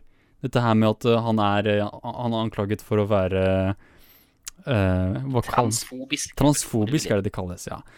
Så det er det anklagelsen er, da. Fordi i, i, i standup-showet hans så snakker han om at uh, han, han snakker om dette her med uh, LG L, BTQ, LGBT Ja, eh, sorry. Jeg er ignorant. Så uh, greier at han Ja, han, går gjennom bokstavene, ikke sant. Han forteller liksom morsomme vitser basert på hvordan eh, eh, alle disse LGBTQ-folka er, da.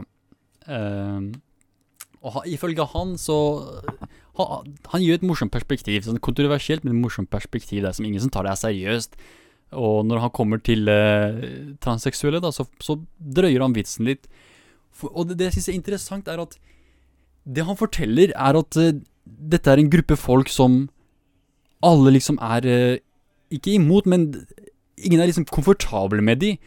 Og det han prøver å gjøre i sin komedie, etter min oppfatning, er å prøve på en måte å normalisere dem som en gruppe gjennom komedie, gjennom latter, ved på en måte fjerne stigmaet rundt det, ved å, ved å, ved liksom få, det, få det morsomme ut av, av, eh, av dette temaet, da. Det er, det, er, det er sånn jeg ser på de mest kontroversielle temaene, er at når du klarer å vitse om det, når du klarer å få folk til å le av noe som egentlig er en tragisk situasjon, altså at uh, transseksuelle blir diskriminert mot, selv av andre sånn, uh, folk som er i sånn teknisk sett i samme kategori, da, som f.eks. homofile, som også er stigmatisert og diskriminert mot. Um, For ikke glemme, for ikke glemme uh, afroamerikanske Det er noe som han kommer inn på, kom inn på senere angående afroamerikanske, når folk sitter og snakker om 'Å, vi har det så fælt'. Vel, damn man, har du sett hvordan vi har hatt det de siste, de siste 200 åra? Og jeg er ikke sånn person som liksom vanligvis går så jævlig mye inn på dette white guilt-prinsippet. Liksom, mm. Langt ifra, egentlig. Men uh, hvis det er, hvis det er liksom en, en snakk om hvilken kultur i Amerika som har mest sosiale problemer i sin egen kultur, i andre, andre sine øyne, det er liksom unquestionably den afroamerikanske kulturen som sliter mest. Mm. Og, og da kommer vi alltid inn på dette det greiene med uh, it's privilege, it's privilege, og alt dette liksom rælet. Men på en annen side, alt jeg har å si om saken så uh, på sitt enkleste, det er at verden er fulle av mennesker som ikke oppfører seg som Dave Chappelle mennesker som har lyst til å skade deg, som Ja. har lyst til å gjøre mer enn bare liksom på en, liksom, en rein spøk, liksom bare spøke litt om at noen mennesker er litt grann annerledes. Hvis du er redd for Dave Chappelle, og du mener at han gjør liksom ting verre for deg, da, da beklager jeg. Da tror jeg kanskje at du blir nødt til å eh, evaluere eh, såkalte trussel... Hva skal jeg si, liksom trusselbildet ditt. Mm. Fordi alvorlig talt, Dave Chappelle, en gammel 50 år eh, gammel dude. Mhm. det, er, det er igjen det er, sånn, det er bare vitser. Er, han prøver å ta for seg seriøse temaer, men samtidig på en måte latterliggjøre det få oss til å le av det. Uh, og det, det er det komedie er. Komedie er tragedie som man kan le av, i, i mitt syn, da. God komedie er tragedie som får oss til å le. Uh, og en annen ting for eksempel, som han snakket om, som kanskje bør være litt mer kontroversielt, som mer folk bør reagere på, men som ikke har fått like mye, like mye sånn eh, eh, Hva kaller man det? Outrage response fra, er når han snakker om uh, de kidsa som Michael Jackson anta, eh, sånn, uh, hva Ja. det? Allegedly voldtok og tukla med. Altså, når han snakker om det, det er sånn Det er, det er jo det, det verste av det verste. Sånn pedofiler er liksom Det er det verste av det verste. Og så lager han vitser om det. Så det ja, bør gi deg det- det er inntrykk det- er. hva Til meg så er. det den som er det er den som har en sånn tøff han, han er en tøff fyr som tør å si det andre folk ikke tør å si. Ja. På mange måter. Ja. Det er ikke nødvendigvis det at eh, det han sier er liksom Det er eh, Det er eh, sånn Det er filosofien hans. Sånn Å ja, faktisk. det, hvis jeg hadde vært barn og blitt voldtatt, så hadde det vært kult om det var Michael Jackson. det er ikke, det er ikke bokstavelig talt sånn Selvfølgelig ikke! Sånn, Dave Chappelle er ikke en dum jævel. Han er en jævlig intelligent person. Selvfølgelig ikke. Selvfølgelig ikke. Men det er en vits, for faen. Så det er en fuckings vits. Det er kunst.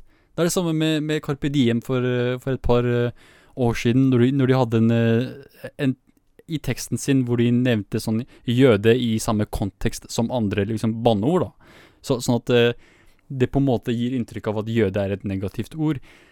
Det er sånn, herregud, de forstår det ikke. Det er sånn, de- de prøver å påpeke en, en på en måte en, en fucka greie i samfunnet vårt gjennom kunst. Men folk tenker heller sånn 'Å nei, du sa det ordet der, du sa det der', eller du, du, du, 'Du sa ikke det vi ville høre fra deg'. Men Tenk eh, på mange måter så er det lettere liksom, for mange å ha liksom, den holdningen og bare si det. Liksom, det er lettere å bare si at noen er helt fæle fra, bare fordi de sa noe, sa noe her og der på den måten. Eh, Og ja, nok en gang, liksom. At hvis det er Dave Chappelle du er redd for, så tror jeg kanskje at du må reevaluere eh, Du må reevaluere uh, trusselbildet ditt. Ikke sant. Det er, det er så- mye mer fucked up shit som skjer der ute. Skal du fokusere all din energi på fuckings Dave Chappelle? Really, though? Fucking hell. Vel, han er, det er jo liksom celebrity-prinsippet også. Det er sånn Oh, han, he's influencing them. He's making it easier for them to hate us. Det er, Ah. Chill the fuck out. Chill the fuck out, man. Men vanligvis, sånn helt ærlig, de folka Hvis, hvis det, det er veldig lite sannsynlig at Altså, folk ser på deg og tenker sånn Yeah, er- fuck them! Nesten. Det De er ikke det folka folk som du er mest redde for, de folka som du er mest redde for, er de personene som mest sannsynlig for en, i, de samme type folka som for uh, omtrent 50 år siden ville, sett, uh, ville elsket å se Dave Chappelle henge fra et tre. Nettopp. Ja. Eh, Og de folka som virkelig har det sinnet der, de, de liker ikke Dave Chappelle uansett.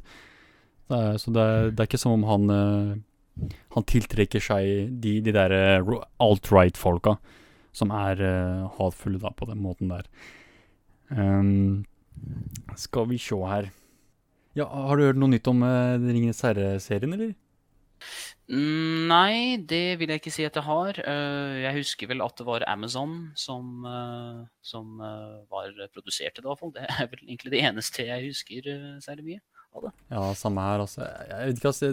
For nå begynner det å bli en stund siden Game of Thrones ble ferdig, så jeg tenker det er på tide med en ny, ny, type serie. Og jeg vet ikke, altså, det er, det er ikke så mange gode valg der ute. Sånn, sånn på den måten, da. Sånne, sånne type serier som man kan på en måte bruke litt tid på. Sånn, det, det jeg driver med nå for tida, er å se på serier jeg har sett på tusen ganger før.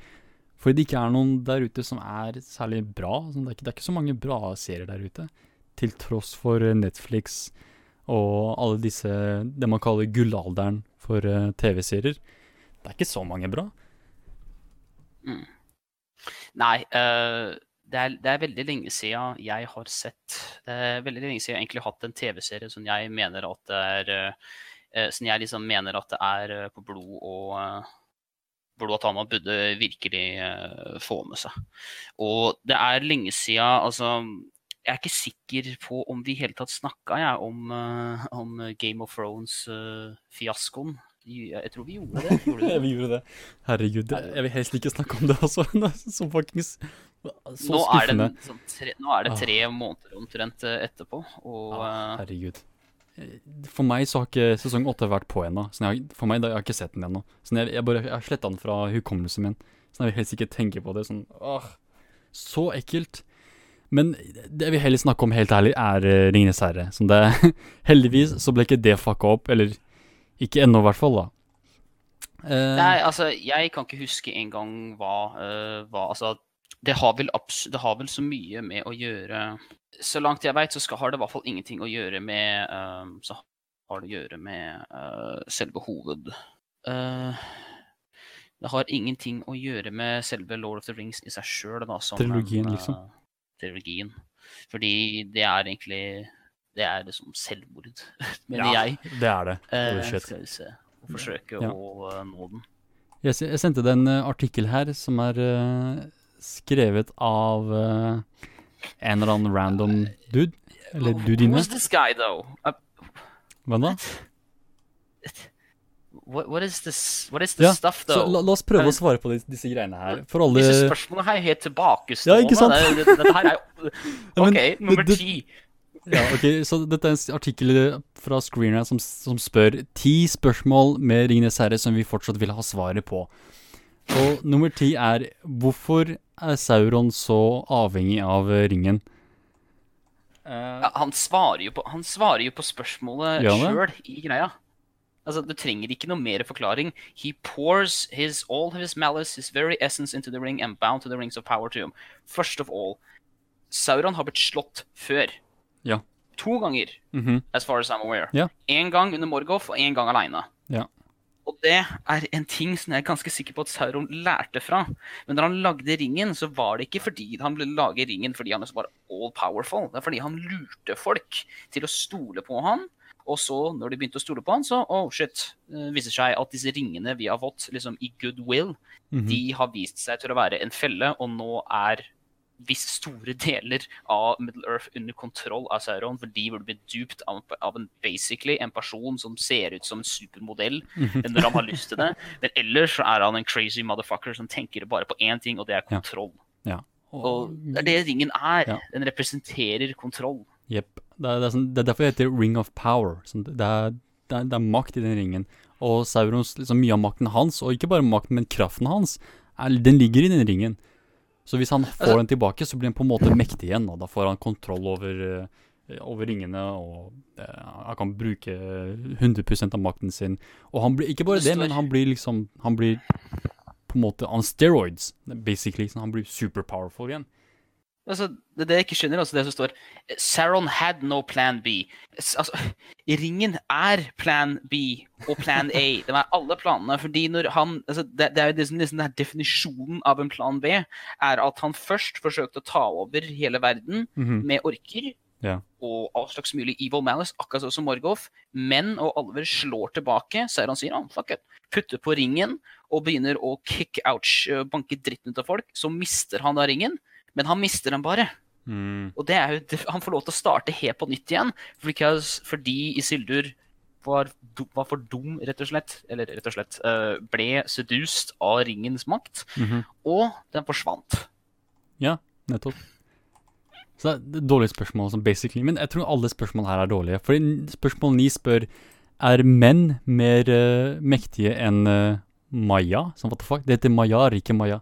Sånn, eh, det de spør om her, er er, eh, er folk som eh, Aragorn eller eh, Boromir og Faramir, disse folk, disse menn da, mennesker, er de mer mektige enn folk som Gandalf, Sauroman eller Sauron eller Balrog? Nei, de er ikke det! What the fuck?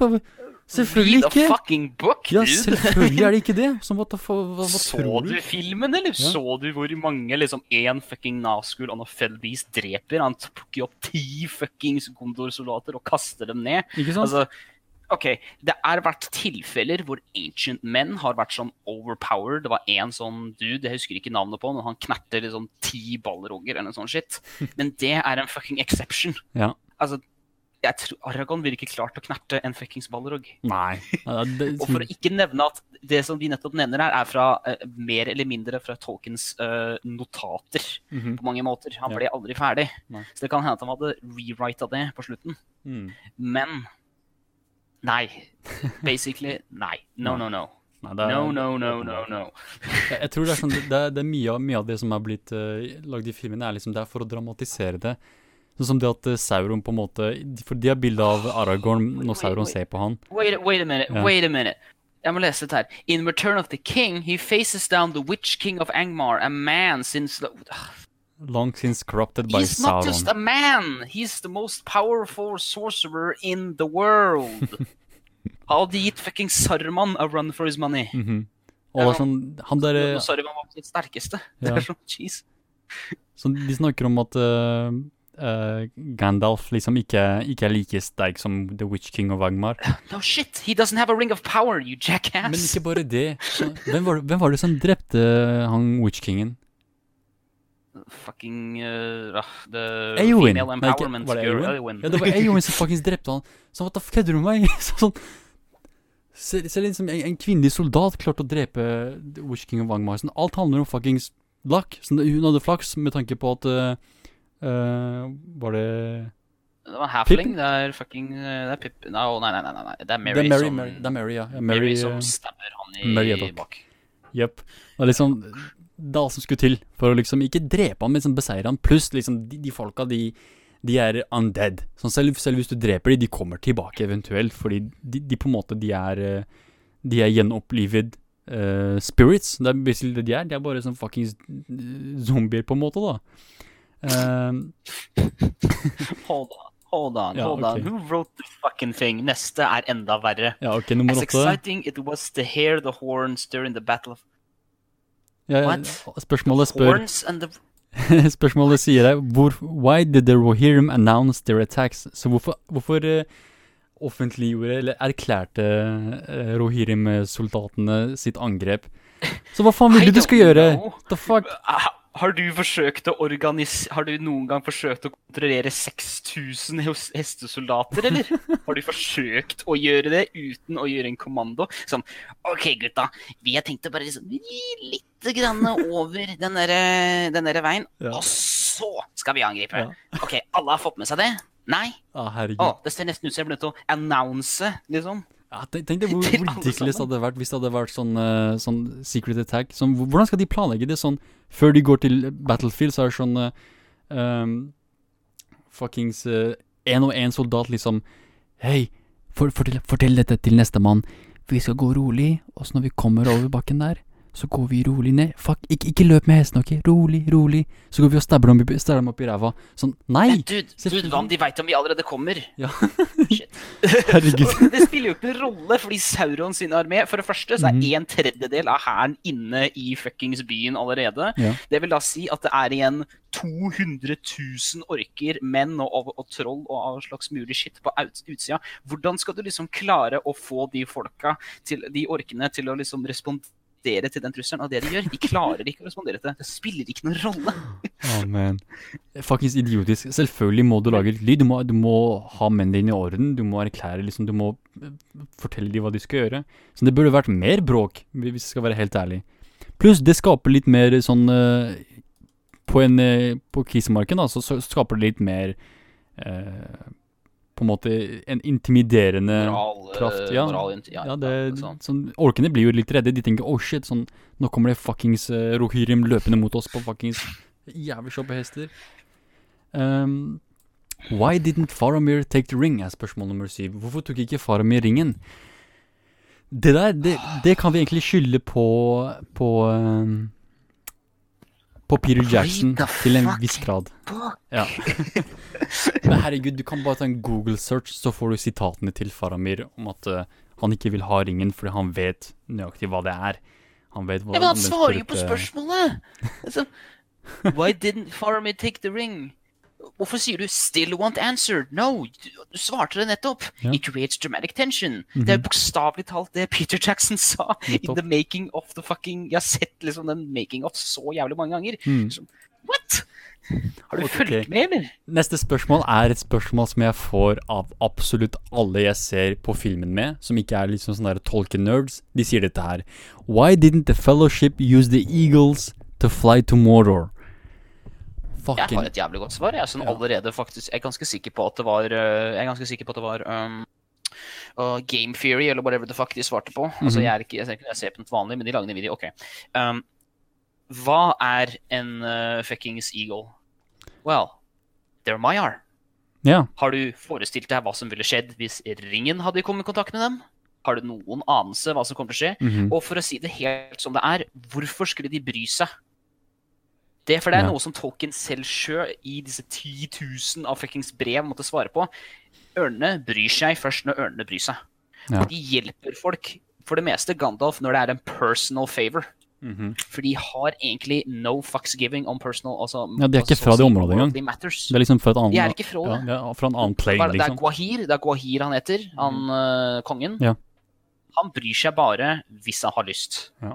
Og apparently så hadde han lyst til å bli med denne gangen. Ja. Han kunne gitt han. Ja, men utenom det, liksom, la oss tenke liksom praktisk her. Hele storyen bak Ringenes herre handler om at dette her er et hemmelig oppdrag. Sånn, det at Frodo har ringen, det at de skal til Mordor, fuckings der, der Sauron er, Sånn, de skal ta ringen til han, det er liksom, det er helt skjult. Sånn ifølge, i, sånn, i, i Sauron sitt, uh, i, i hans hue da, så, så tenker han sånn, oi, de har ringen, de kommer til å bruke det mot meg. Han tenker ikke sånn, oi, de skal hente den til Mordor, og så kaste den inn i fuckings Mount Doom. Så det er det siste han kan tenke seg. Så det at de kommer flyvende med fuckings ørnene, samtidig som Sauron er fuckings, han er liksom øyet i skyene, han kan se sånn shit langt ifra, han kan nesten se alt. Og samtidig så har du fuckings eh, disse eh, Nazgul som jakter på ringen, og noen av de sitter på fuckings drager og flyr rundt Mordor og flyr rundt hele fuckings området. Tror du ikke de ser idiots? Det vil ikke nødvendigvis altså, jeg, jeg bare sier det som jeg er. Altså, The Eye of Sauron kan se jævlig langt. Han Ja. hadde sett dem. Yep. Og alt Sauron hadde trengt å gjøre, var bare å forstyrre ørnene. Du har sett at de klasjer sammen. Mhm, Nettopp. Det ville ikke nødvendigvis betydd at ørnene hadde tapt, mest sannsynlig ikke, men de hadde kanskje kastet av noen av de Ja. stakkars motherfuckerne som rir bakpå. Sånn Altså, Gandalf kunne sånn- ikke holdt ringen. Gandalf Nei. kan ikke holde ringen. Nope. Kan ikke Aragon heller. Det er mange Det- som ikke sånn... kan sånn- røre den, som helst holdes, holdes unna. Så leder oss til spørsmål nummer fem, som er det kanskje det dummeste spørsmålet jeg ser på lista. Okay. Would Frodo have destroyed the ring if Gollum hadn't attacked him?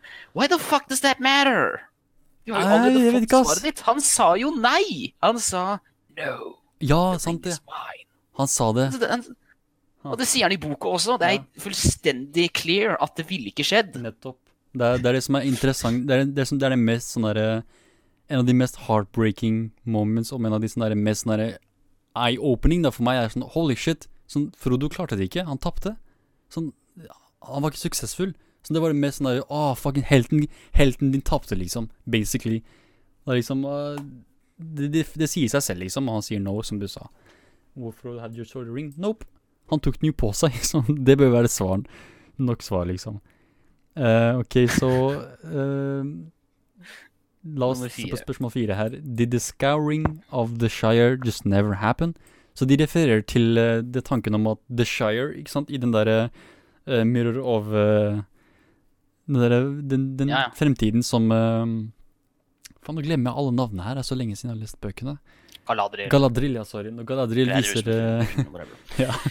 Når hun viser frem, sånne mulige fremtiden, da, og egentlig i bøkene, den egentlige fremtiden, til The Shire, er at den blir på en måte ødelagt og korrumpert av, eh, av sånn industriell revolusjon, da, nesten. um, og i filmen så skjer det ikke. Så nei, det, det, det skjedde ikke. Det, det skjedde aldri i, i filmene. Men i bøkene så skjedde det. Og det som irriterer meg, er at uh, forfatteren her refererer til uh, bøkene. Sånn, bitch, Altså, hvis du har lest du- bøkene, så burde du vite det her. Sånn, hva faen? Du har allerede svart på spørsmålet ditt. Ja. Hvem er det som ikke er i live i filmen? Sauron. It's Saruman. Ja, Saruman, ja. He's, he's dead. Ja. He was killed, remember? Mhm. Så hvordan skal han gå til The Shire og korrumpere det når, når han er faktisk død? Så hva faen? Så, ikke bare han, men Grima også. Han ble også, han ble også drept. Det er liksom, han er, liksom eh, hans uh, accomplice i, De i hadde, å altså Greia er at Sannheten er at Peter Jackson hadde faktisk tanker om å inkludere det. Mhm. Men han ombestemte seg, fordi for det første så måtte de ha liksom 10 000 avslutninger til filmen. Ja. Og det var det som ikke jiva i generelt. Mm. Så det sa de nei, vi driter i det. Yep. Og fair enough så var det i mitt øyensyn et bedre valg enn å ha det der. Mm. Fordi uh, jeg vil ikke si at Discovering of the Shire er en throwaway, men liksom det viktigste med Discovering of the Shire er i seg selv Grima som kaster av seg Saruman, og så liksom tragisk blir drept rett etterpå. Mhm. Ok, så spørsmål tre spør Hvordan uh, klarte hobbitene å uh, tilpasse seg livet i The Shire igjen etter at de kom hjem igjen? Fordi The, Discovering of the Shire skjedde aldri, så Shire ble aldri ødelagt. Så hva, var det Sam gjorde? Fordi i bøkene så er det slik at Sam er med på å gjenoppbygge og eh, gjøre Shire mer ting. Dette er mer fair, for dette var et spørsmål som aldri ble svart på. Men liksom, Ja. nok en gang, i mitt øyensyn, jeg trenger ikke ha svar på mange av disse spørsmålene, fordi eh, Jeg vet ikke hva skal jeg si, jeg har fått svar på dem. Eh, jeg har fått svar på dem ellers. Det, det, altså, det er ikke Ringenes herre i seg sjøl. Filmene er ikke liksom ment å være en jab, på en måte, Mhm. i retning uh, I retning Gerhard Tolkien. Mm. Sterk, sterke det motsatte. Det skal være en, adopsjon, en, en, en adaptation som skal passe så godt så mulig Mhm. til bøkene. Men da må man fortsatt gjøre ofre for, for at filmen skal virke. Og det var det som skjedde. Mm. Japp. Eh, og jeg tenker sånn eh, Hva heter det for, for, Fortellingmessig, da, sånn eh, story-wise, så, så er det ganske åpenbart at de bare gikk tilbake til det vanlige livet sitt, og Sam fikk endelig giftet seg og eh, hadde barn, alt det så han tilpasset seg på den måten, mens eh, det var litt eh, utydelig med Pippin og Mary. Eh, der, I bøkene så hadde de litt mer interessant story, vil jeg si. Fordi da, da de kom tilbake, var de nesten sånn warlords. Så de var fuckings savage warriors. De var heftige, ikke sant? Mens her er de bare sånn her eh, De, de er bare tilbake, lever livet, slapper av, er liksom Er tilbake og gjør det de gjør. Og det er det som er interessant med hobby, hobbiter, er at de, de, de er ikke så kompliserte, egentlig. Sånn, de, de bare kommer og chiller, liksom, spiser mat, drikker, røyker, har det gøy. Eh, altså, did Sam marry Rosie, spør, spør de her. I, ja. Ja. Det Jesus Christ, did you watch the fucking movie, man? Ja, hva faen? Did Sam marry Rosie? It's in Det var jo Jesus Christ, man! Oh man. Så sånn, spør de Did any of them suffer from so, some sort of post-traumatic stress disorder? Yes! Besides photo. Se på trynet deres på scenen. Alle ser ut som de, de holder på å gråte. Sånn Ja, det, det, sånn, de har opplevd shit, man. Faktisk, de har vært i Mordor, de har vært i krig. Sånn, what the fuck, hva faen tror du? Ok, så det her var jævlig tåpelig spørsmål. Holy shit. Uh, ok, så nummer to. Vi nærmer oss slutten her. uh, Ville ikke Arwin ha dødd lenge før Aragorn? Jeg vet ikke hvor, hvor hun, hun eller han har dette Jeg her fra. husker Dette her er faktisk en del av Det kan jeg faktisk si med kanskje litt skam i seg, at det er en del jeg ikke har sett så mye inn på i selve I praksis, vil jeg vel si. Um, jeg er ikke Nei, men, sikker på eh, om det er Ja, men greia er at Um, eh, Hva heter han, han derre Faren uh, Elrond, han sier jo til henne at eh, ha- For han kan på en måte Han har liksom visdom, han har innsikt i fremtiden og alt det der. Ja. Og han kunne se at Aragorn vil eventuelt dø, men hun vil bli igjen. Så tydeligvis så vil hun faktisk bli igjen og leve lenge etter. Og det, det, skjer, det skjer også. I bøkene så er det slik at uh, Aragorn er på sin deathbed og forteller henne om uh, liksom, å, at han elsker henne og alt det der, og forteller om uh, ja, sånn life and shit, mens Arwin sitter og hører på alt det der. Så Aragorn dør før, basically. Men sånn det, det bør være tydelig, fordi det ble jo vist i filmen. De viste oss at Aragorn var død. De viste liksom scener fra fremtiden. Eh, som også er jeg vil kalle- tydelig også et valg som hun som Et valg som hun må da uh, contemplate gjennom filmen. Og det gjør hun jo. Yep. Uh, Peter Jackson gjør en veldig god jobb med det. Mm -hmm. so, There is no ship that can now carry me hence. Yep. Uh, og så det siste spørsmålet her, som er kanskje noe som forvirret mange seere, fordi de forsto ikke helt hvorfor det skjedde. Men eh, den siste scenen eh, handler om at eh, Frodo og Bilbo og Elrond og Galadriel og eh, Gandalf seg går, går på en båt, drar på en båt, um, og forlater Middle Earth og går over til um, til uh, The Undying Lands, som er på en måte der, eh, der ørnene kommer fra, alt det der. Ehm, Eh, nok en gang, les boka. ikke sant? Svaret er gitt der. eh, liksom, Jeg, jeg tror nok eventuelt Ja, eventuelt så, så, vil han, så vil han dø. Sånn Han er ikke, han er jo ikke en alv. Han har ikke fått gaven av eh, udødelighet.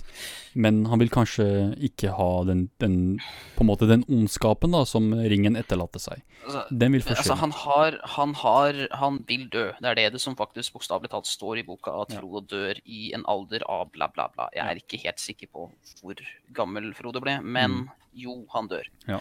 Og det er jo Men på mange måter så er jo det allerede hva filmen så å si liksom articulates, er at uh, Frodo kan ikke leve sammen med uh, Kan ikke leve der han har pleid å leve, Mm. så å si, da. Ja. Fordi uh, den verden Han har gått gjennom noe som basically ikke han ikke kan jive med, da, så å si. Ja, det er sant. Vanskelig å forklare. Ja. Og eventuelt, sånn det, det blir ikke fortalt i filmene, men eventuelt så er det flere folk som reiser til der Frodo og Gandalf er, og Bilbo. For eksempel er det Jeg er usikker på om, uh, usikker på om eh, Gimli får Ja, faktisk. Uh, den gaven. ja, for han, han, han han og Legolas drar sammen. Japp. det er det beste. Det er så perfekt. I hvert fall de to går, og så går også uh, hva het, eh, Sam. Sam ender også opp med å, med å få adgang til det rike.